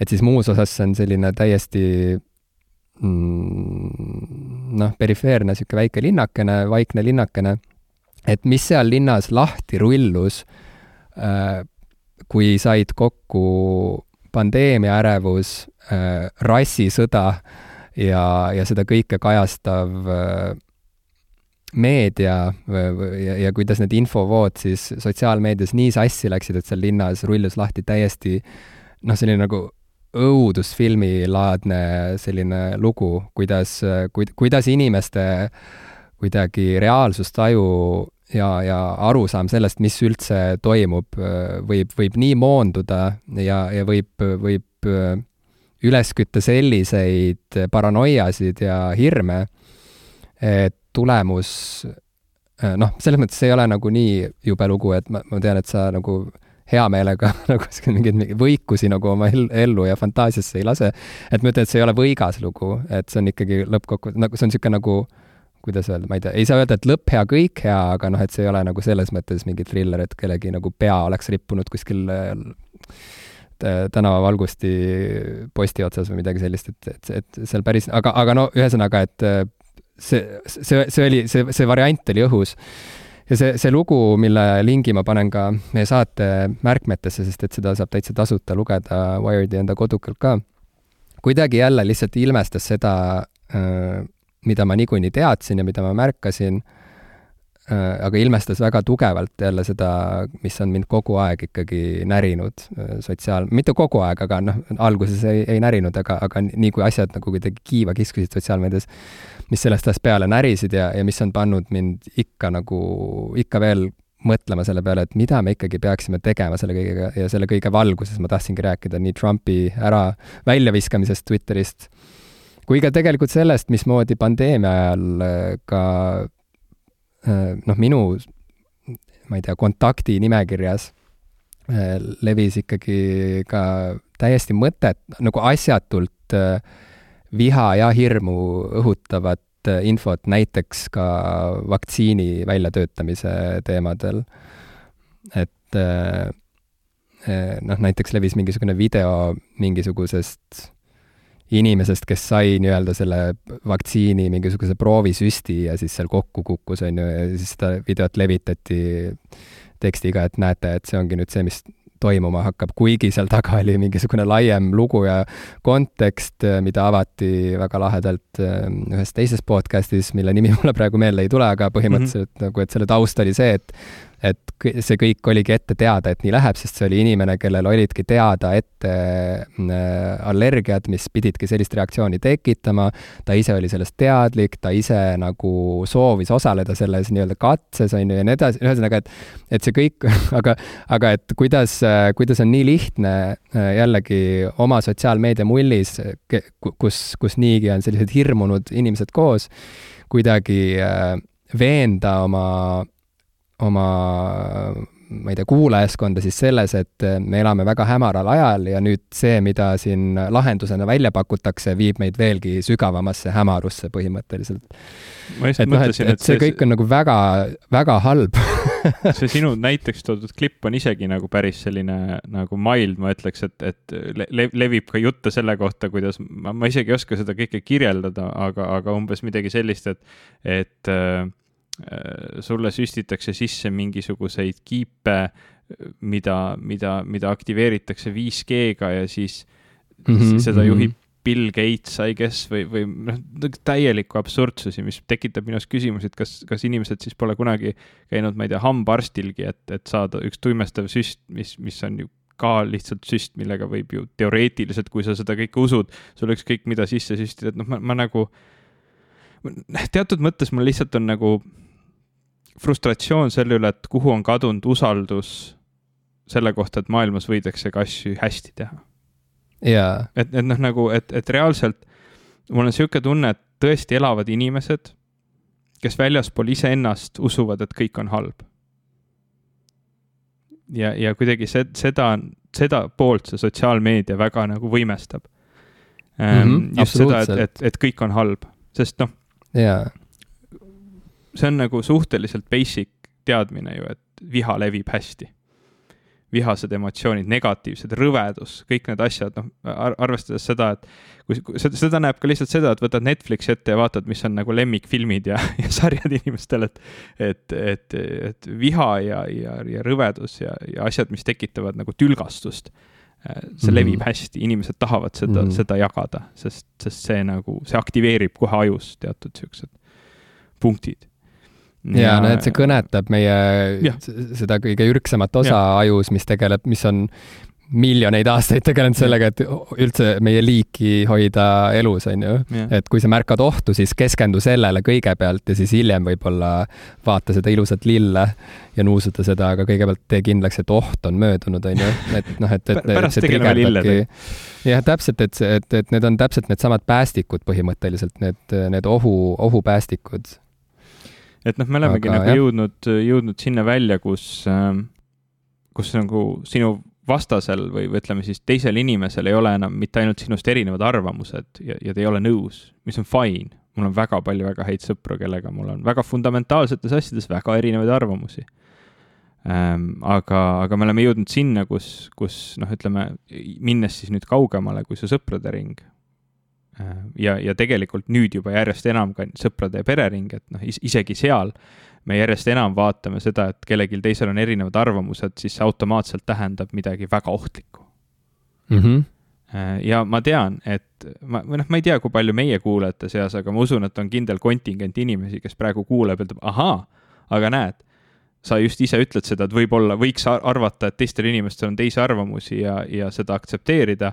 Et aga mina usun näiteks seda 5G kiipi ja, ja vaktsiinivärki, sa pead minu arvamust ka usaldama. no ma arvan, et see on fine, et sul on teine arvamus, ma isegi ei viitsi sinuga vaielda enam aastakümneid, ei viitsi sellistel teemadel inimestega vaielda. ma tean, et sellel ei mm -hmm. ole mitte mingit mõju, aga see ei tähenda, et su arvamus on korrektne. noh, selle, selles suhtes jaa, et see on nagu see Philip K. Dicki tsitaat, mis mulle ikka ja jälle meenub. Reality, reality is that which when you stop believing in it doesn't go away Jah. ehk siis reaalsus on see, mis on meie arvamuste ja, ja ma ei tea, suhtumiste väline et äh, ehk siis kokkuvõttes, kui, kui, kui hüppad äh, viiekümnendalt korruselt alla, siis kindla peale sa saad lömastatud, sest et Jah. gravitatsioon ja nii edasi sõltumata sellest, kus, kus kohas sa asud poliitilisel spektril. Jah. Et on, on mingid asjad, mis on lihtsalt äh, reaalsuse alustõed, jah, mis ei ole sugugi mitte tõlgendamise küsimus, vaid puhtalt, mis, mis on reaalsed, reaalsed alustõed. ja minu meelest oli kunagi aeg, kus nagu uskumine sellesse, et, et teaduses on võimalik asju teada saada äh,, ei olnud nagu politiseeritud, aga tundub, et me päris, päris sellises ajas enam ei ole. ma, sinu selle mm. -hmm. sotsiaalmeedia teemale võib-olla nagu enda poolt lõpetuseks, sest ma, ma lihtsalt ei teagi enam, ma, ma, ma ei tea enam, mida sotsiaalmeediaga teha, noh, nii, nii isiklikus mõttes kui ka, kui no ka ma ka ei tea, see, ja see ongi see, miks Äh. sellest me kogu aeg, mille, miks me sellest kogu aeg räägime ja miks ma tahan sinuga rääkida sellest kogu aeg, jah, et olgugi, et see on nii läbi nämmutatud teema juba, siis ikka ei tea. olenemata sellest nämmutatuse astmest, ikkagi see probleem eskaleerub kogu Jah, aeg ja jah. kuidas siis, kuidas siis mitte rääkida sellest? Sest et äh, kui, kui sellest üldse mitte rääkida, siis kuhu me üldse nagu, kui, kuidas seda siis üldse kuidagi enda jaoks lahti mõtestada või kuidas üldse leida mingit äh, uut lahendust sellele kõigele? rääkima peab. aga ma mõtlen nagu, selle vestluse ajal ma olen nagu kogu aeg mõtelnud selle peale, et ähm, kui ainult need inimesed, kes siis, kui mina alguses Facebooki läksin, kui need inimesed oleks jäänud truuks oma sõnale, et pff, Facebook on mõttetu, mina sinna küll ei lähe, siis me oleks täna paremas kohas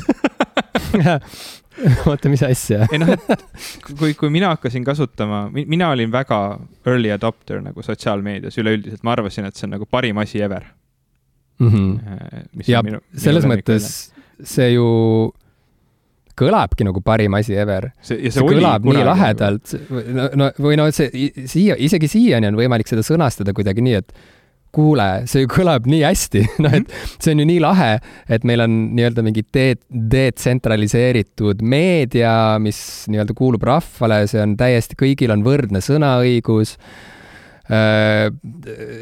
Sõltumata sinu, ma ei tea, klassikuuluvusest, sõltumata sinu vaesusest või rikkusest, sa, sinu sõnal on täpselt sama palju kaalu kui presidendil.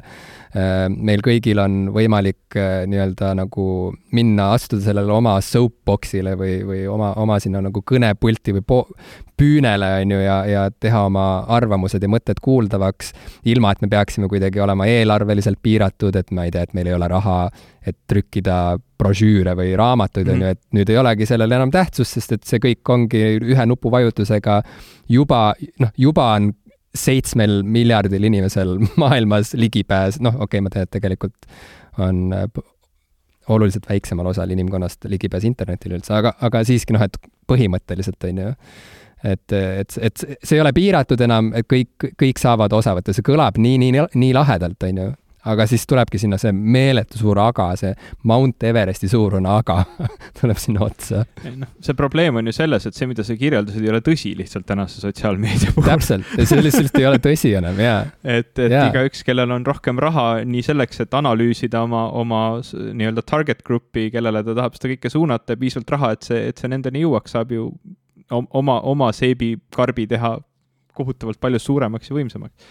Aga, aga mm -hmm. mida ma tahtsin oma selle keerulise lausega öelda, on see, et mina, mina, mina läksin esialgu nii Twitterisse kui Facebooki päris vara ja need olid siuksed nohikute kohad, eriti Twitter, see oli nagu kohad, kus põhimõtteliselt mingid arvutiajakirjanikud omavahel nagu rääkisid, sest seal ei olnud nagu väga kedagi muud ähm,. Twitter oli alguses tõsiselt cool, tõsiselt cool. minu meelest ka, sada protsenti. ja siis oli terve hulk inimesi minu sõprusringkonnas, kes nagu, nagu arvasid, et see on nõme, et, et need, et, et noh, nagu nad, nad olid nagu tol hetkel Orkutis ja ei näinud nagu vajadust sealt kas ära minna või siis neid ei olnud isegi Orkutis ja neil üldse see tundus kõik nagu hästi mõttetu, et kui kõik need inimesed oleksid oma sõnale kindlaks jäänud, et nemad sinna küll ei lähe, et see on nii loll asi, et siis oleks nagu väga hea seis täna, sest see olekski jäänud selliseks nišivärgiks. aga, aga nüüd, kui kõik ja nende vanaema on Facebookis, on on asjad palju kriitilisemad. Ehk siis võib-olla see, ma, ma olen näinud USA-s, USA, eriti tehnoloogia ajakirjanike seas seda, et, et, et palun, palun katsuge saada oma vanemad Facebookist ära. Ähm, et siis läheb nagu kõik palju paremaks, et võib-olla see on tõsi. et lihtsalt võib-olla parim, mida me saame teha täna oma sõpradele ja perele, on see, et me, me veename nad selles, et nad peaksid ära tulema sotsiaalmeedias ja, aga siis tulekski ise näidata eeskuju, kõik tuleb ise ära minna. Siis peaks näitama eeskuju. jaa ja ma ei ole kindel, et ma olen valmis seda tegema, kuigi ma mõtlen sellele väga palju. ja see mm, -hmm. see mhm, tundub nagu mm -hmm. mingisugune, see tundub nagu mingi absurdne sõltuvus. Yeah. kus tegelikult mul ei tekiks mingisuguseid ju füüsilisi probleeme, kui ma lahkuks sealt. tegelikult ei tekiks isegi tõenäoliselt ei vaimseid ega sotsiaalseid probleeme Äh, kui ma lahkuks sealt, aga, aga ometi ma tunnen, et ma ei saa sealt lahkuda mingitel imelikel põhjustel. Ja no ma tunnen, et mind hoiab seal vist kolm, kolm asja hoiavad mind ikka veel sotsiaalmeedias. kolmel põhjusel ma ei ole ära kustutanud oma mhm. isiklikke mm -hmm. kontosid. esiteks äh, see, et äh, mõned inimesed jagavad väga häid nalju sotsiaalmeedias ja mulle meeldib neist osa saada mul on niisugune tunne, et see hoiab mind nendega, et see, see aitab mul nagu sidet hoida nende inimestega. teiseks äh, sotsiaalmeedia, noh, Facebook siinkohal aitab mul meeles hoida inimeste sünnipäevasid, mis on tegelikult ülilihtsalt lahendatav puhtalt selle niimoodi, et ma lihtsalt märgin üles need olulised sünnipäevad omaenda isiklikku kalendrisse, hei, miks mitte proovida sellist uut lahendust ja kolmas põhjus ongi olnud oma, ma ei tea, loomingu promomine mm -hmm. näiteks või oma mingite etenduste promomine ja nii edasi. muide, kui äh, inimesed tahaksid seda... tutvuda sinu uue koomiksiga Skülls äh, ehk siis Skulls koos selle laheda heavy metal umlautiga, äh, kuhu nad peaksid minema, Jim? Nad peaksid insta-, minu meelest Instagramist on kõige mõnusam seda lugeda, ma kuidagi disainisin selle nagu Instagram, Instagrami silmas pidades eeskätt sest et isegi iga see koomiksi paneel on ühe Instagrami ruudukujulise mm, noh, aknakese kujuline või kuidagi sobitub sinna perfektselt. Aga jah, et Instagramist eh, kas kirjutades otsingusse Skülls Ü-ga või siis äh, Skulls Comics äh, ja Facebookist samamoodi Skülls või Skulls Comics kokku kirjutatult ja, ja Twitteris samamoodi, mulle meeldib, et mul on Twitteris viis jälgijat ma ei ole näinud, ma olen kohe jälgin. et äh, Twitterist, noh, ilmselgelt on kõige halvem lugeda koomikseid tegelikult ka, nii et selles mõttes ei ole üldse isegi mingisugune ime. Aga jaa, ühesõnaga need on need kohad, ma millalgi teen kodulehekülje ka ja ma sellel, et kui rääkida nüüd aastast kaks tuhat kakskümmend üks, ma ei tea, kui, kui me jõuame vaikselt ka selle teemani, võib-olla see on järgmise saate teema siiski mm, -hmm. aga, aga siis minu esimene suur otsus äh, aastal kaks tuhat kakskümmend üks oli see, et ma nüüd äh, iga päev avaldan ühe koomiksi osa mm, -hmm. iga päev sel aastal kaks tuhat kakskümmend üks. et see on olnud mulle selline hmm,, mul oli äh, selline loominguline ärkamine, kus ma tegin ühe äh, halva otsuse ja, ja siis see otsus äh, põhjustas mulle kannatusi ja siis ma pidin äh, tõsiselt jälle mõtlema, et äh, kes ma olen ja mida ma teen see oli seesama jooksma ja... minemine või? ei, see, see, see oli novembris, aga see okay., see, see mõtlemise aeg oli nüüd pühade ajal aga tead, jätame siis... selle tõesti järgmiseks saateks, sellepärast me võime ette et... jah, aga ühesõnaga diiserina või ja, see ei ole enam isegi mingi diiser, lihtsalt, lihtsalt nagu minu esimene suur otsus oligi jah, see, et ma nüüd võtan selle koomiksi ette ja päriselt tegelen sellega äh, selle asemel, et pärast viite aastat veel natukene mõelda mm, -hmm. kuidas, kuidas seda ikkagi mhm. teha ja, ja mis, kus seda avaldada ja nii edasi. nii et ähm, jah, see, see on olnud et... minu lubadus endale ma soovin siin head uut aastat veel, veel, veel, veel kümnendal jaanuaril ja, ja, ja salvestan ka eelmise aasta lõpusaadet kümnendal jaanuaril, et ma ilmselgelt ei ole veel valmis uue aasta planeerimisekski õieti, ma, ma veel täna ei tea, kes ma olen, vaata see uus Ivo, eks ole, millest no, siin saate, ma, ma veel ei tunne ennast. Ja ei tea, mida ma sellel aastal kõike tegema hakkan, et ma arvan, et kas peeglist mööda kõndides kas peeglist mööda kõndides sul on ka korraks niisugune tunne, et keegi möödus sinust, mingi võõras inimene, ja siis saad aru, et sa oled sina ise? ja see on väga ehmatav jah, sest selle aasta või, või siis olgem ausad, eelmise aasta, eks ole, põhisõnum on ju ära möödumust lähedalt, et et on mm -hmm. siin mhm. probleeme nende peeglitega küll jah ähm,, ma ei tea, mind tegelikult nüüd hakkas täiega huvitama, kui sa oled informaatikaõpetaja kuskil koolis või sa tunned mõnda informaatikaõpetajat, eh, kellelt sa saaksid seda küsida, kas netiketti õpetatakse veel koolides ja äkki peaks mm? -hmm. Ja. minu meelest see ei ole isegi mingisugune jabur asi, mida ma ei tea, mida, see, see ei ole mingi jabur teemapüstitus üldse sest et noh, nagu ma ütlesin, mulle tundub, et on ju jällegi, et sotsiaalmeedia, et see on tööriist, et kas süüdistada tööriista või, või süüdistada tööriista kasutajat, kas süüdistada autosid selles, et autoõnnetused toimuvad või süüdistada autojuhte, on ju kui, kui tahta natukene niisugust neutraalsemat näidet, et minu meelest nagu noh, pumppüssi tootja puhul noh, Äh, seal, no seal ei saa nagu teeselda mingit üllatust, et oi, keegi sai surma yeah,. Yeah, yeah. oleks me seda teadnud, aga no selle auto puhul näiteks on ju. inimesi või? jaa, what kust see mõte tuli? Ähm, et, et jaa, et, et, et noh, sotsiaalmeedia ju ka alguses ei olnud kujundatud mingisuguse nagu relvana aga ühesõnaga, me juba rääkisime sellest, nii et selles mõttes see netiketi küsimus on, on suur küsimus, see on, see on hästi suur küsimus, et mida, mida need äh, ka suhteliselt karvutud ahvid ehk siis inimesed äh, üldse peaksid või võiksid teha netis, ilma et see äh, nende jalgealust liialt õõnestama ei hakkaks. jah. kas me oleme ammendanud. lasknud läinud aasta jah, õhust tühjaks või on midagi, mida peaks veel mainima? ma ei tea, kui on, siis võib-olla peab jätma selle meie erisaate või mitte erisaatele, vaid lisasaatele. Äh, mis selle nimi oli, ma ei mäletagi enam. nüüd, kui pinge on maas. nüüd, kui toss on väljas. jah nüüd, kui pinge on maas, nüüd, kui pinge on maas. ja, ja suu, suundume vaikselt äh, sinna teise tuppa, äh, kus siis meie patroonid Patreonis saavad kuulata järelmõtteid.